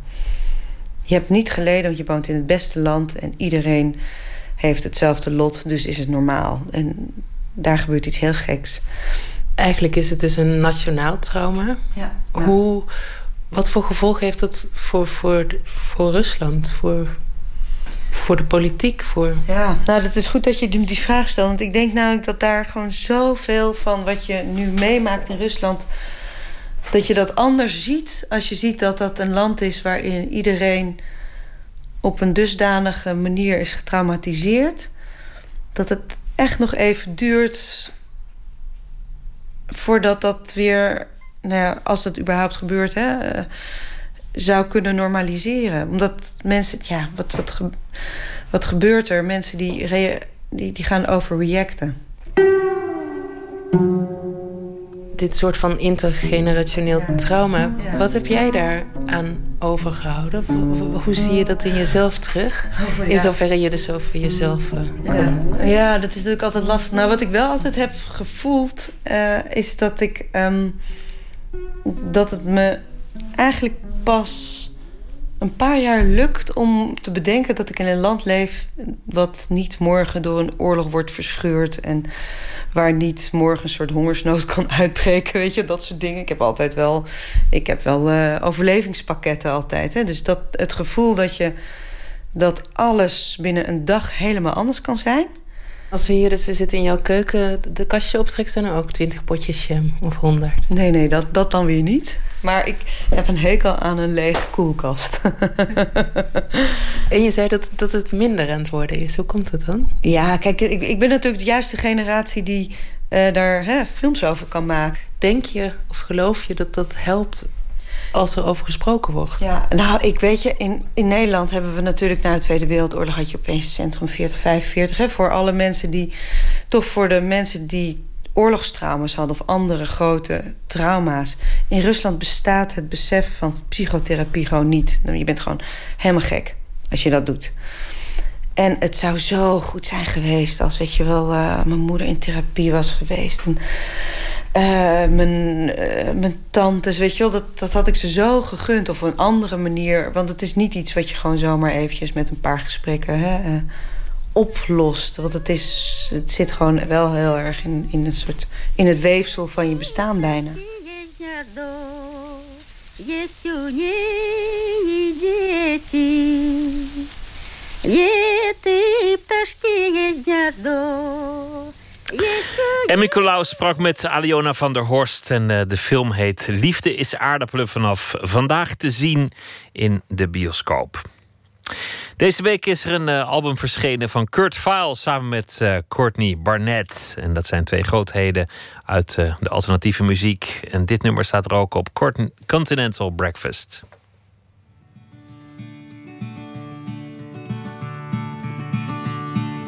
One, two.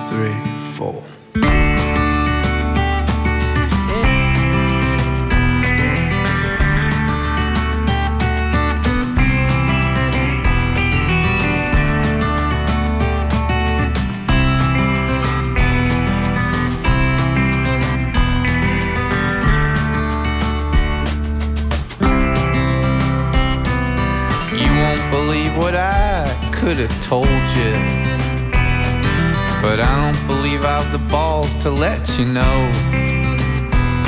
I can say that cause I'm a man.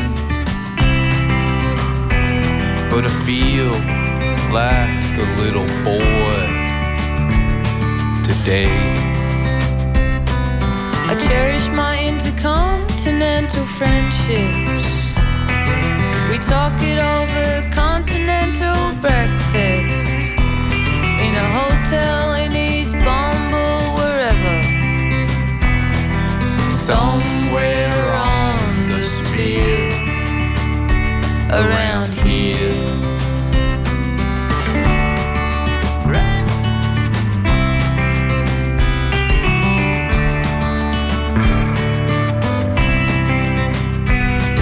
I cherish my intercontinental friendships. Not much very big on enemies. So I kick a can way up into the sun, man. But it falls down into a ravine. I don't mean to even think about it that way, but I do. Watching the waves come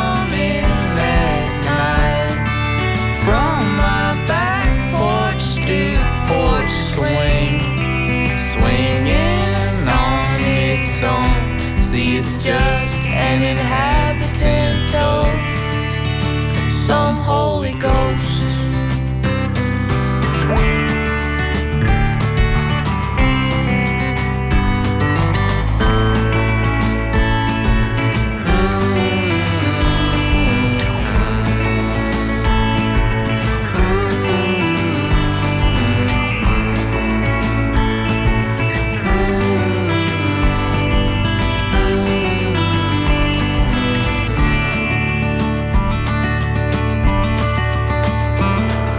I walk like a bruised ego along shorefront property unknown to me. But I'm feeling inferior on the interior. Don't you see?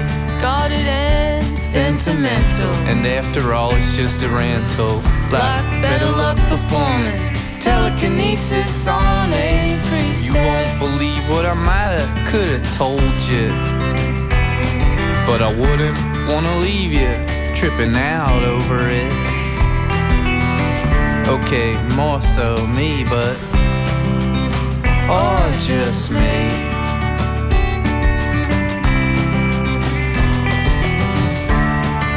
Watching the waves come in at night from my back porch stoop porch swing, swinging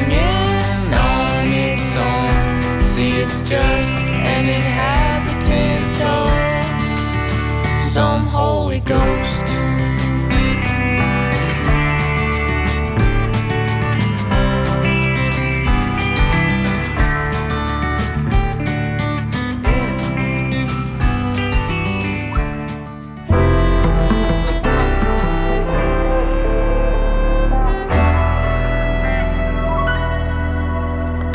De rubriek heet Open Kaart 150 vragen uit een eh, bak. En ze gaan over werk en leven. De gast trekt zelf de vragen. Marten Visser is de gast. Vooral bekend als eh, portretfotograaf van eh, grootheden als Blondie en Johan Cruijff. Maar dit keer gaat het over een film die ze heeft gemaakt over de kunstenaar Jan Sierhuis zelfportret. Te zien in de filmtheaters vanaf heden. Een documentaire over het leven aan de hand van wat Sierhuis zelf vertelt over zijn werk, zijn leven. En hij werkt ook aan zijn zelfportret. Misschien wel zijn laatste. Marta, hartelijk welkom. Dankjewel. Fijn dat ik hier mag zijn vanavond. Hoe kwam je op het idee om, om deze man te portretteren? Waar, waar kende je hem van? Um, Jan Sierhuis um, uh, was, was een hele goede vriend van mijn grootouders, Dora uh, en Piet Esser. En um, toen Jan nog niet zo heel erg veel uh, succes had en niet zoveel geld had, uh, betaalde mijn grootvader zijn boetes als hij door het rode licht had gereden. En zodoende hebben ze een hele goede vriendschap met elkaar opgebouwd. En uh, mijn grootvader die tipte mij dat ik een keer een mooi portret moest maken van, van Jan. En dat besloot ik vijf jaar geleden. Toen was mijn grootvader inmiddels wel een paar jaar overleden. Besloot ik dat te doen. En toen ben ik naar zijn atelier aan de Amstel gegaan in de Lutmastraat. Om hem te portretteren. En toen zag ik een, eh, een heel erg mooi zelfportret van hem staan. En eh, ja, Jan Sierhuis is nou niet bepaald eh, bekend om zijn zelfportretten. Maar ja, hij begon daarover te vertellen. En het zelfportret, je zag dat hij echt holle ogen had. En het hele expressieve, het is een expressionist. Met hele expressieve kleuren had hij ja, toch eigenlijk een soort ja, wanhopig beeld van zichzelf geschetst. En dat bleek een, uh, een zelfportret wat hij had gemaakt uh, na de Tweede Wereldoorlog toen hij een uh, oorlogstrauma had. En hij begon daarover te vertellen. En ja, langzamerhand kwamen steeds meer zelfportretten tevoorschijn. En daar had ik dus nog nooit van gehoord en gezien. En ja, tegenwoordig kan je met camera's niet alleen mooie foto's maken, maar ook mooie filmopnames. Dus toen dacht ik van ja, dit moet ik filmen. Dus toen ben ik eigenlijk daar ter plekke heb ik hem aangezet. En eigenlijk totaal onverwacht ben ik maar gaan filmen. En toen haalde die één zelfportret tevoorschijn... Um, waar die geïnspireerd op Kees van Dongen zichzelf dan had uh, geschilderd met een grote baard. En toen zei hij, uh, verrek, met zo'n dik Amsterdams accent. Ik heb hem nog niet eens gesigneerd. Nou, en toen uh, ging hij, stiefelde hij die weg en toen kwam hij terug met een potje uh, met zwarte verf erin en een kwastje. En ging hij daar uh, Jan Sierhuis, zelfportret, 1950, ging hij signeren. En ja, dat heb ik allemaal gefilmd. En toen dacht ik, verrek, dit is eigenlijk dit is volgens mij gewoon een fantastische documentaire. Wat, wat de documentaire zo prachtig maakt, is, is dat je jezelf nagenoeg onzichtbaar hebt weten te maken. Dus wat we zien is een man die zijn levensverhaal vertelt over zijn oorlogstrauma, over zijn kunst, over het opgroeien in de Jordaan, over uh, zijn liefde voor Spanje en vooral de flamenco later. En die man vertelt, en je ziet die schilderijen, en alles komt, komt voor mij tot leven. Het, het is alsof ik dat levensverhaal aan me voorbij zie trekken. Hoe is het anders dan foto's maken? Want, want als fotograaf doe je dit allemaal met, met één beeld. Ja, het is, het is niet met elkaar te vergelijken. Um, ik zeg ook altijd als een fotograaf, uh, een portretfotograaf tegen iemand zegt... Uh, ik ga jou fotograferen zoals je echt bent. Nou, dan vertrouwen ze voor geen centimeter, want dat kan helemaal niet. Een mens is zo uh, gefragmenteerd en heeft zoveel kanten. Um, ja, fotografie is natuurlijk fantastisch, alleen het is natuurlijk wel een beperkt medium. En zelfs met film... Uh, ja, hoe kan je iemand echt goed portretteren? Dat, uh, um, maar ja, met, met film kan je vragen stellen. En ja, dat, het film geeft wel veel meer mogelijkheden om een portret te maken van iemand. En, um, ja, Dan een foto, omdat je meer ja, kunt vertellen. Ja, je kan veel meer laten zien. En zoals ik net ook al zei, ja, mensen heeft veel meer kanten. Je bent niet alleen maar zus, je bent ook zo. En uh, ja, een foto is wat dat betreft... Ik bedoel, ik ben echt een portretfotograaf, maar Um, nu ik dus het medium film heb ontdekt en ik dat eigenlijk zo leuk vind, denk ik dat ik toch vooral een portretist ben. Dus, maar ik, ehm, ik, denk dat een typische documentairemaker het anders zou aanpakken dan jij hebt gedaan. En in dit geval heeft dat, heeft dat, wat mij betreft, heel mooi uitgepakt. Dat portret van die sierhuis. Iedereen die dat met, ja, met misschien meer scenario had geprobeerd te doen, of, of anderen erbij had willen voegen om over hem te vertellen, of dingen willen anseneren, die had het kapot gemaakt. Nou, dankjewel. Ja, ik, ik ben heel erg intuïtief um, te werk gegaan. En natuurlijk heb ik hem heel erg veel vragen gesteld. En uh, ik heb mezelf echt uh, ja, bewust weggelaten uit, uit de film. Omdat ik dus inderdaad eigenlijk alleen maar geïnteresseerd was in hoe Jan Sierhuis kijkt naar Jan Sierhuis, naar zichzelf. Um, als, als, hoogbejaarde man van in de tachtig.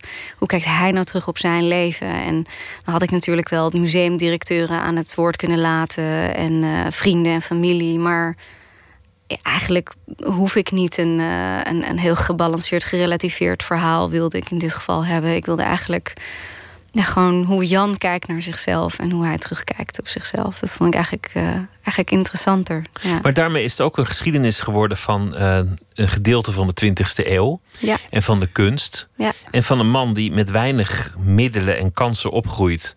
En het uiteindelijk zelf doet. Eigenlijk alleen maar omdat hij zo graag schildert. Niet eens omdat er echt ambitie achter zat. Ja, hij is echt zoals hij dat zelf noemt. Jan is echt een, uh, echt een rasschilder. En uh, hij, hij moet gewoon schilderen. En um, hij is nu helaas, hij is heel oud, 89, en het wordt steeds moeilijker voor hem. Maar hij blijft wel, uh, waar het mogelijk is, blijft hij gewoon schetsen en, en, en schilderen. En um, ja, gewoon mooie dingen maken. En, en die drive om iets te creëren, dat is wat hem eigenlijk uh, ja, tot zo'n gepassioneerd en gelukkig mens heeft gemaakt.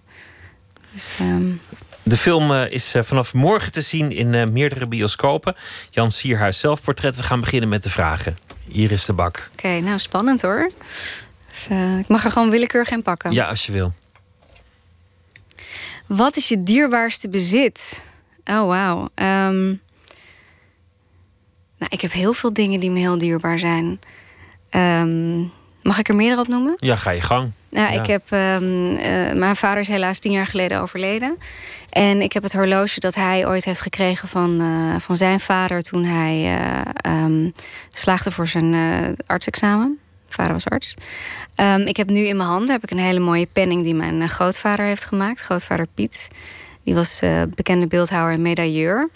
En dit is een, een penning met eh, de kop van Rembrandt erop. En die heb ik eigenlijk altijd bij me. Een soort van mijn, eh, mijn talisman. Ehm, ja, mijn dierbaar bezit. En natuurlijk ook mijn, geliefden, mensen om me heen. Voor, voor zover je dat eh, bezit kan noemen. Ja, dat is niet echt bezit, maar Nee, vooruit. Ja. En je camera? Ehm, dat is niet mijn dierbaarste bezit. Nee, gek genoeg komt dat niet. eh, Dat is een gebruiksartikel. Ja, wel. Ja, mijn ogen. Ja, maar dat is misschien dan ook geen bezit. Als ik. eh, ja, dat. ehm, ja, ik heb ook een hele, hele mooie antieke Chinese vaas. Eh, ja, die bezit vind ik ehm, niet zo heel erg belangrijk. Dus, Maar zo'n talisman vind ik wel interessant dat je die altijd Ja. bij je draagt. Ja, die heb ik heel vaak bij me. En die zit vaak gewoon in, eh, in mijn tas. En als ik dan iets belangrijks moet doen eh, of iets, eh, dan, dan hou ik hem in mijn handen. Dat deed mijn grootvader ook altijd. En dan ging hij er zo met zijn duim overheen. ja, dus dat heb ik een beetje van hem overgenomen. Dat brengt geluk of kracht of ja, zoiets. Ik weet vertrouwen. niet. Ja, het soort van. dan is hij er ook bij. Ja, Laten we er nog één doen. oké.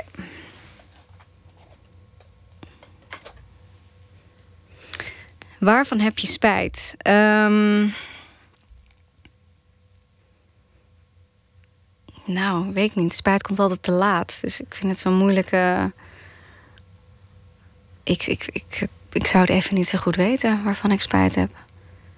Nou, dan is het niet heel heftig. Dan knaagt Nee. het op dit moment niet nee, aan je. ik heb geen gewetens. eh, als ik daar, misschien kan ik daar straks nog op terugkomen. Zal er, eh, Maar heb je wel eens momenten, als dat minder gaat, dat bepaalde levenskeuzes terugkomen? Dat je denkt, oh, hoe was het eigenlijk gegaan als, als ik toen dat had gedaan?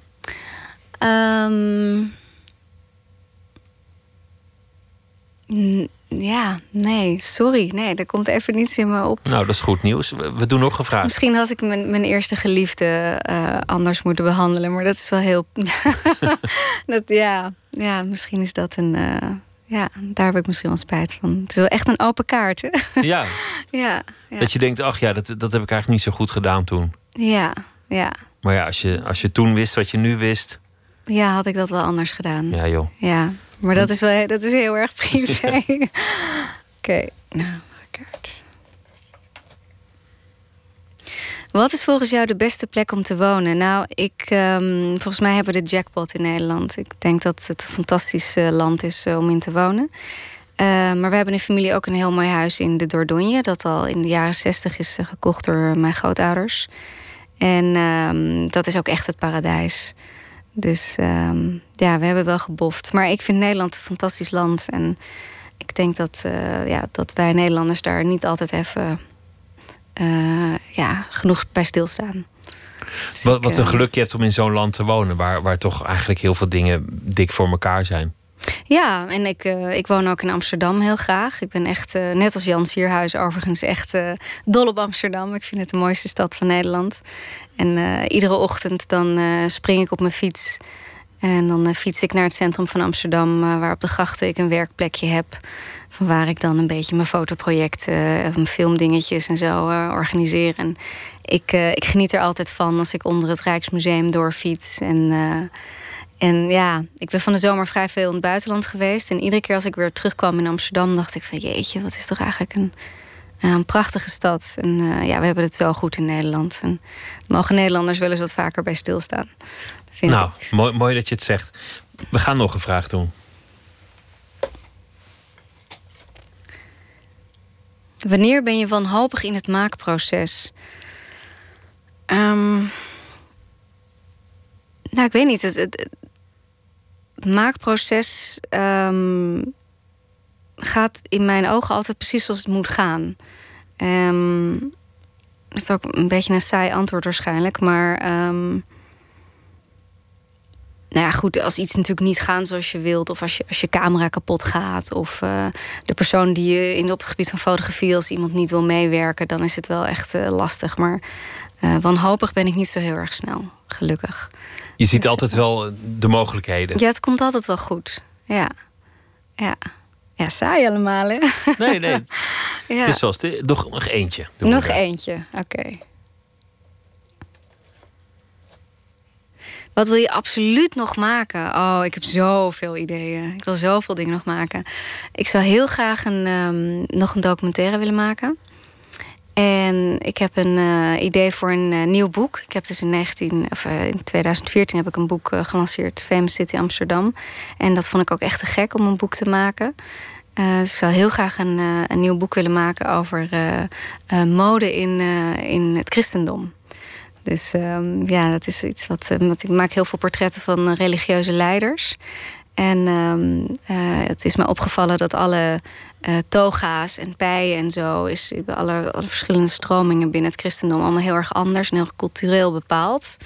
En het lijkt me heel erg interessant om daar een boek over te maken. Dus Dat is een mooi onderwerp, dat wil inderdaad. ik heel graag doen, ja. Dus dat, dat gaan we binnenkort pluggen bij een grote uitgeverij. Een vriendin van mij en ik. En ehm, dat, dat zou ik heel graag willen doen.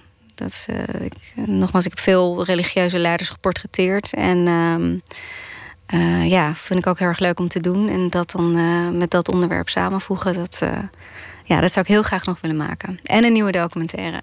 Want dat, eh, dat is ook wel iets dat, dat inmiddels bij je werk is gaan horen. Documentaires maken.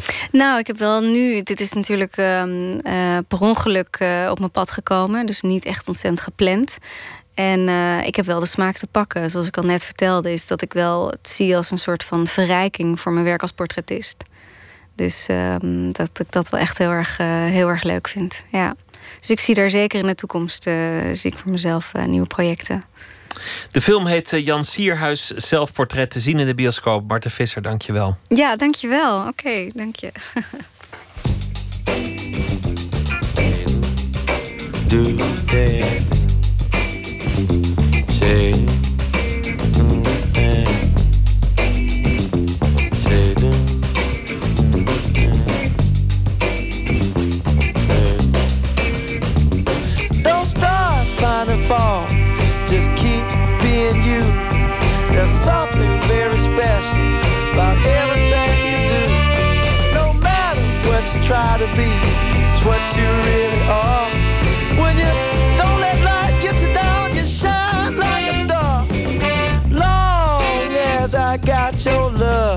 that's all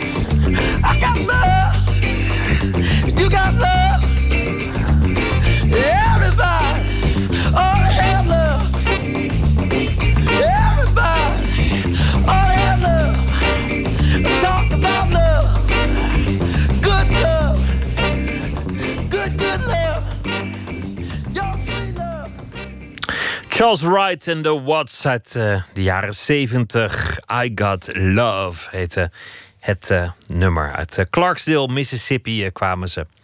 Eén minuut, een reeks verhalen in 60 seconden. Deze is gemaakt door Maartje Duin en heet Handicap. Pst, één minuut. Ik ben eens een keertje met iemand mee geweest. Die had een, een uitstapje en dan mocht je iemand meenemen. Die, die vrouw die was blind. En toen vond ze op een gegeven moment dat ik haar vlees maar moest snijden. Ik zeg, waarom? Je hebt wel wat aan je oogjes, maar je hebt toch niks aan je handjes? Dat doe je maar zelf en anders hap je het maar af.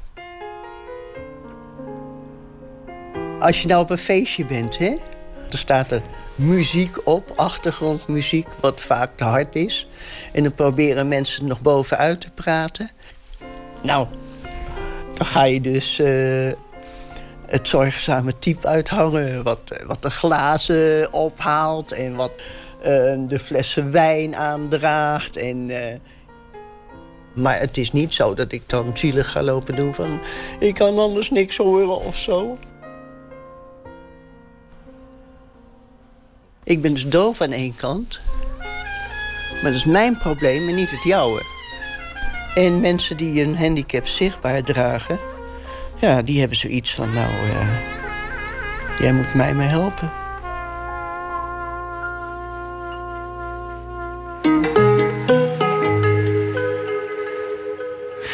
Schrijver Thomas van Aalten levert deze week wat uh, nachtrust in om elke nacht een verhaal voor te dragen, geïnspireerd op de gebeurtenissen van de dag ervoor. Thomas, goeienacht. Goeienacht. Vertel eens, uh, hoe gaat deze dag wat jou betreft de geschiedenis in? Nou, het was uh, vandaag weer een, een, zogenaamde dag in het teken van iets, iets bijzonders. elke dag is het wel of hondendag of allergieëndag. En vandaag, weet je wat vandaag het vandaag was? Nee, is helemaal aan me voorbij gegaan. Het was Wereldmeisjesdag. Wereldmeisjesdag? Ja, om de meisjes, dat zijn toch de, de vrouwen van, van morgen. En nou ja, wereldwijd wordt in elk geval gepleit om aandacht te vestigen op vooral op, meisjes. In, waarschijnlijk in, gebieden waar het ook nou, minder makkelijk is om meisjes om een meisje te zijn. En nou ik ben zelf echt opgegroeid in een omgeving met nou ja, vooral heel veel, heel veel meisjes. Ik speelde vroeger alleen maar met meisjes eigenlijk. Dat was in, de, in de jaren 70, jaren 80 nieuwbouwwijk waar ik ben opgegroeid. Ik ging waarschijnlijk alleen maar gezinnen wonen met, met meisjes. En nu heb ik ook zelf drie dochters. Dus het is ook een, dat je niet alleen Wereldmeisjesdag, maar het is ook een soort thema in mijn gehele leven. Een ode aan het uh, meisje voel ik aankomen.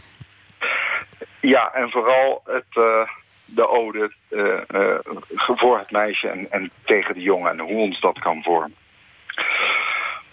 Mijn zus heeft me eens gered van de dood toen ik toch won met knikkeren. Ik knikkerde aan het begin van de straat op een daartoe bestemd plaatje, een pleintje in de vorm van een boot, compleet met een boeg van bielzen. In de bodem van de boot zaten knikkerpotjes. Ik knikkerde tegen een jongen die al wat ouder was dan ik. Hij had een vlassnor. Henk was niet helemaal in orde, veronderstel ik. Uit woede dat ik twee superbonken had gewonnen... trachtte hij me te wurgen in de knikkerboot. Mijn zus kwam langs fietsen en roste met volle kracht op de rug van deze Henk. Pas toen liet hij los. Ik had roodblauwe vlekken in mijn nek. Mijn moeder is langs gegaan bij de vader van Henk. Ik heb nooit precies geweten wat mijn moeder heeft gezegd of gedaan.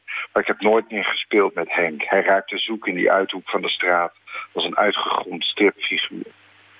Ik trof hem nog één keer op een terrein aan het einde van de straat. Er werd later een nieuw huis gebouwd, een vrijstaand huis. Maar toen stonden er nog fruitbomen. Het oneetbare fruit lag gistend en rottend op het gras.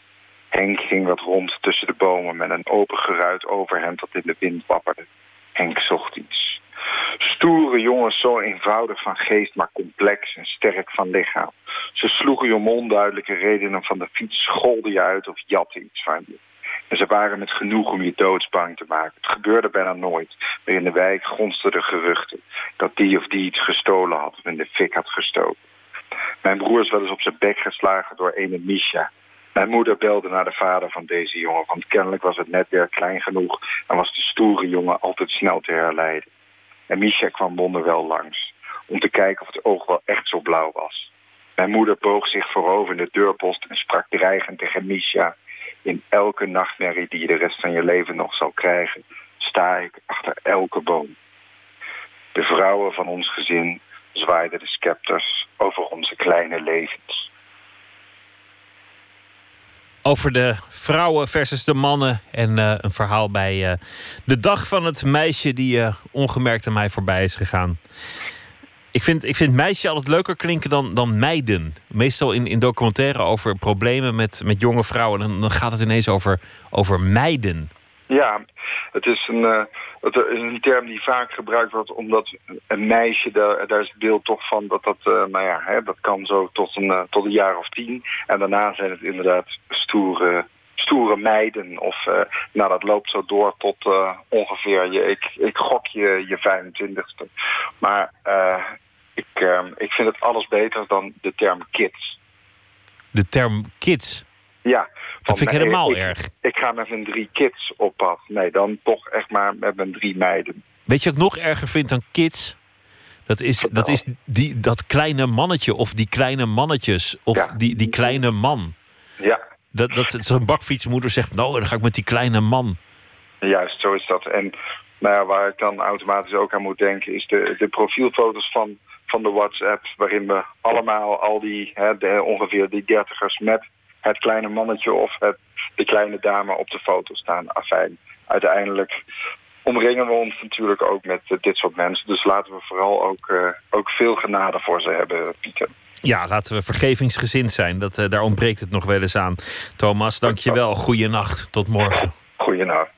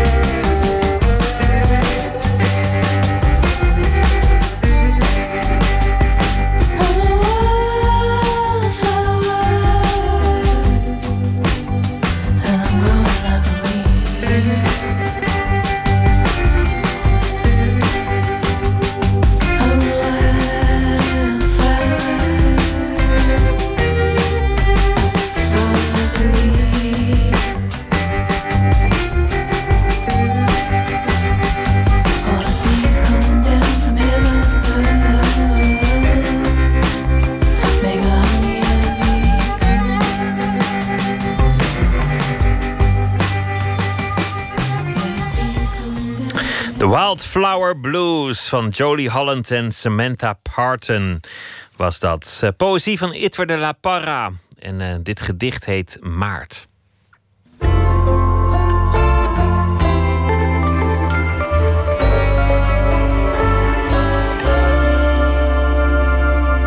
Maart. Cornoeien draagt de eerste bijen. Kraggen krijgt de ruimte van een geeuwend wateroppervlak. En lachend laat de ekster zijn gemoed bereiken. Waar braamtak vorst uit rode ogen wrijft en hop de basis legt voor Babylonisch dralen. Waar kiemend zaad een komma vormt en sleedoorn hout zich dieper toont naar nachtelijke regen.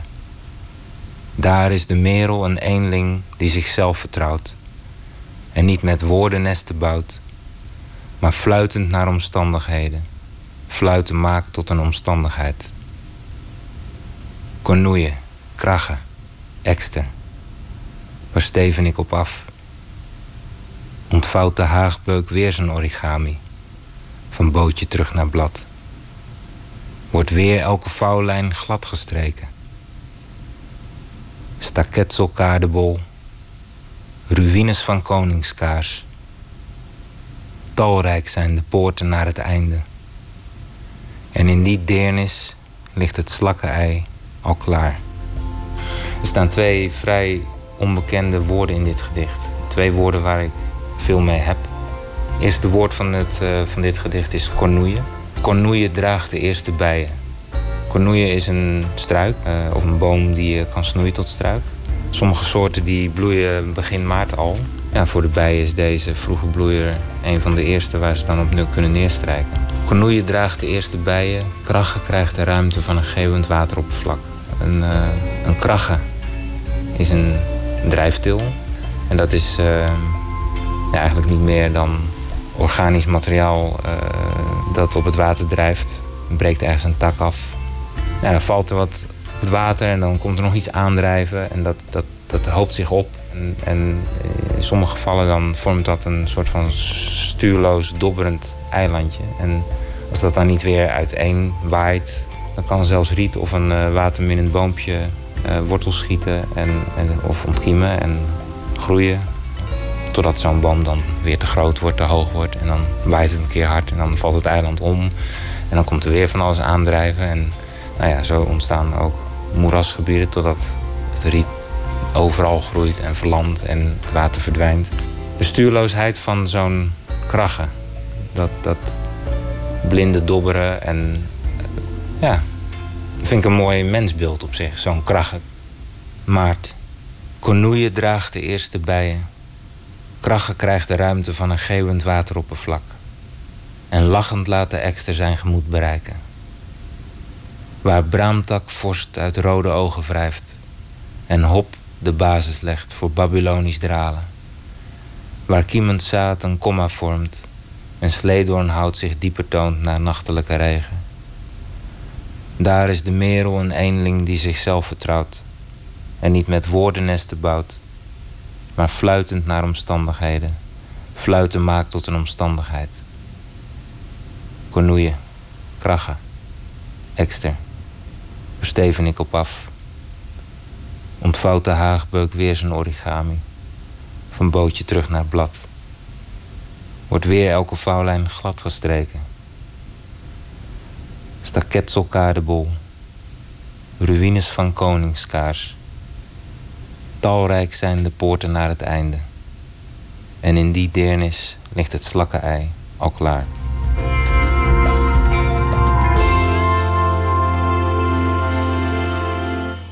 Itver de La Parra las het uh, gedicht uh, Maart. Morgen komt Lonnie van Rijswijk op bezoek. Zij uh, is ontwerpster, werkt samen in Atelier NL met Nadine Sterk. En samen maken ze echt van alles. En we gaan het morgen hebben over de praktijk van het ontwerpen. En dat allemaal naar aanleiding van de Dutch Design Week die volgende week begint. Voor nu een hele fijne nacht en graag weer tot morgen.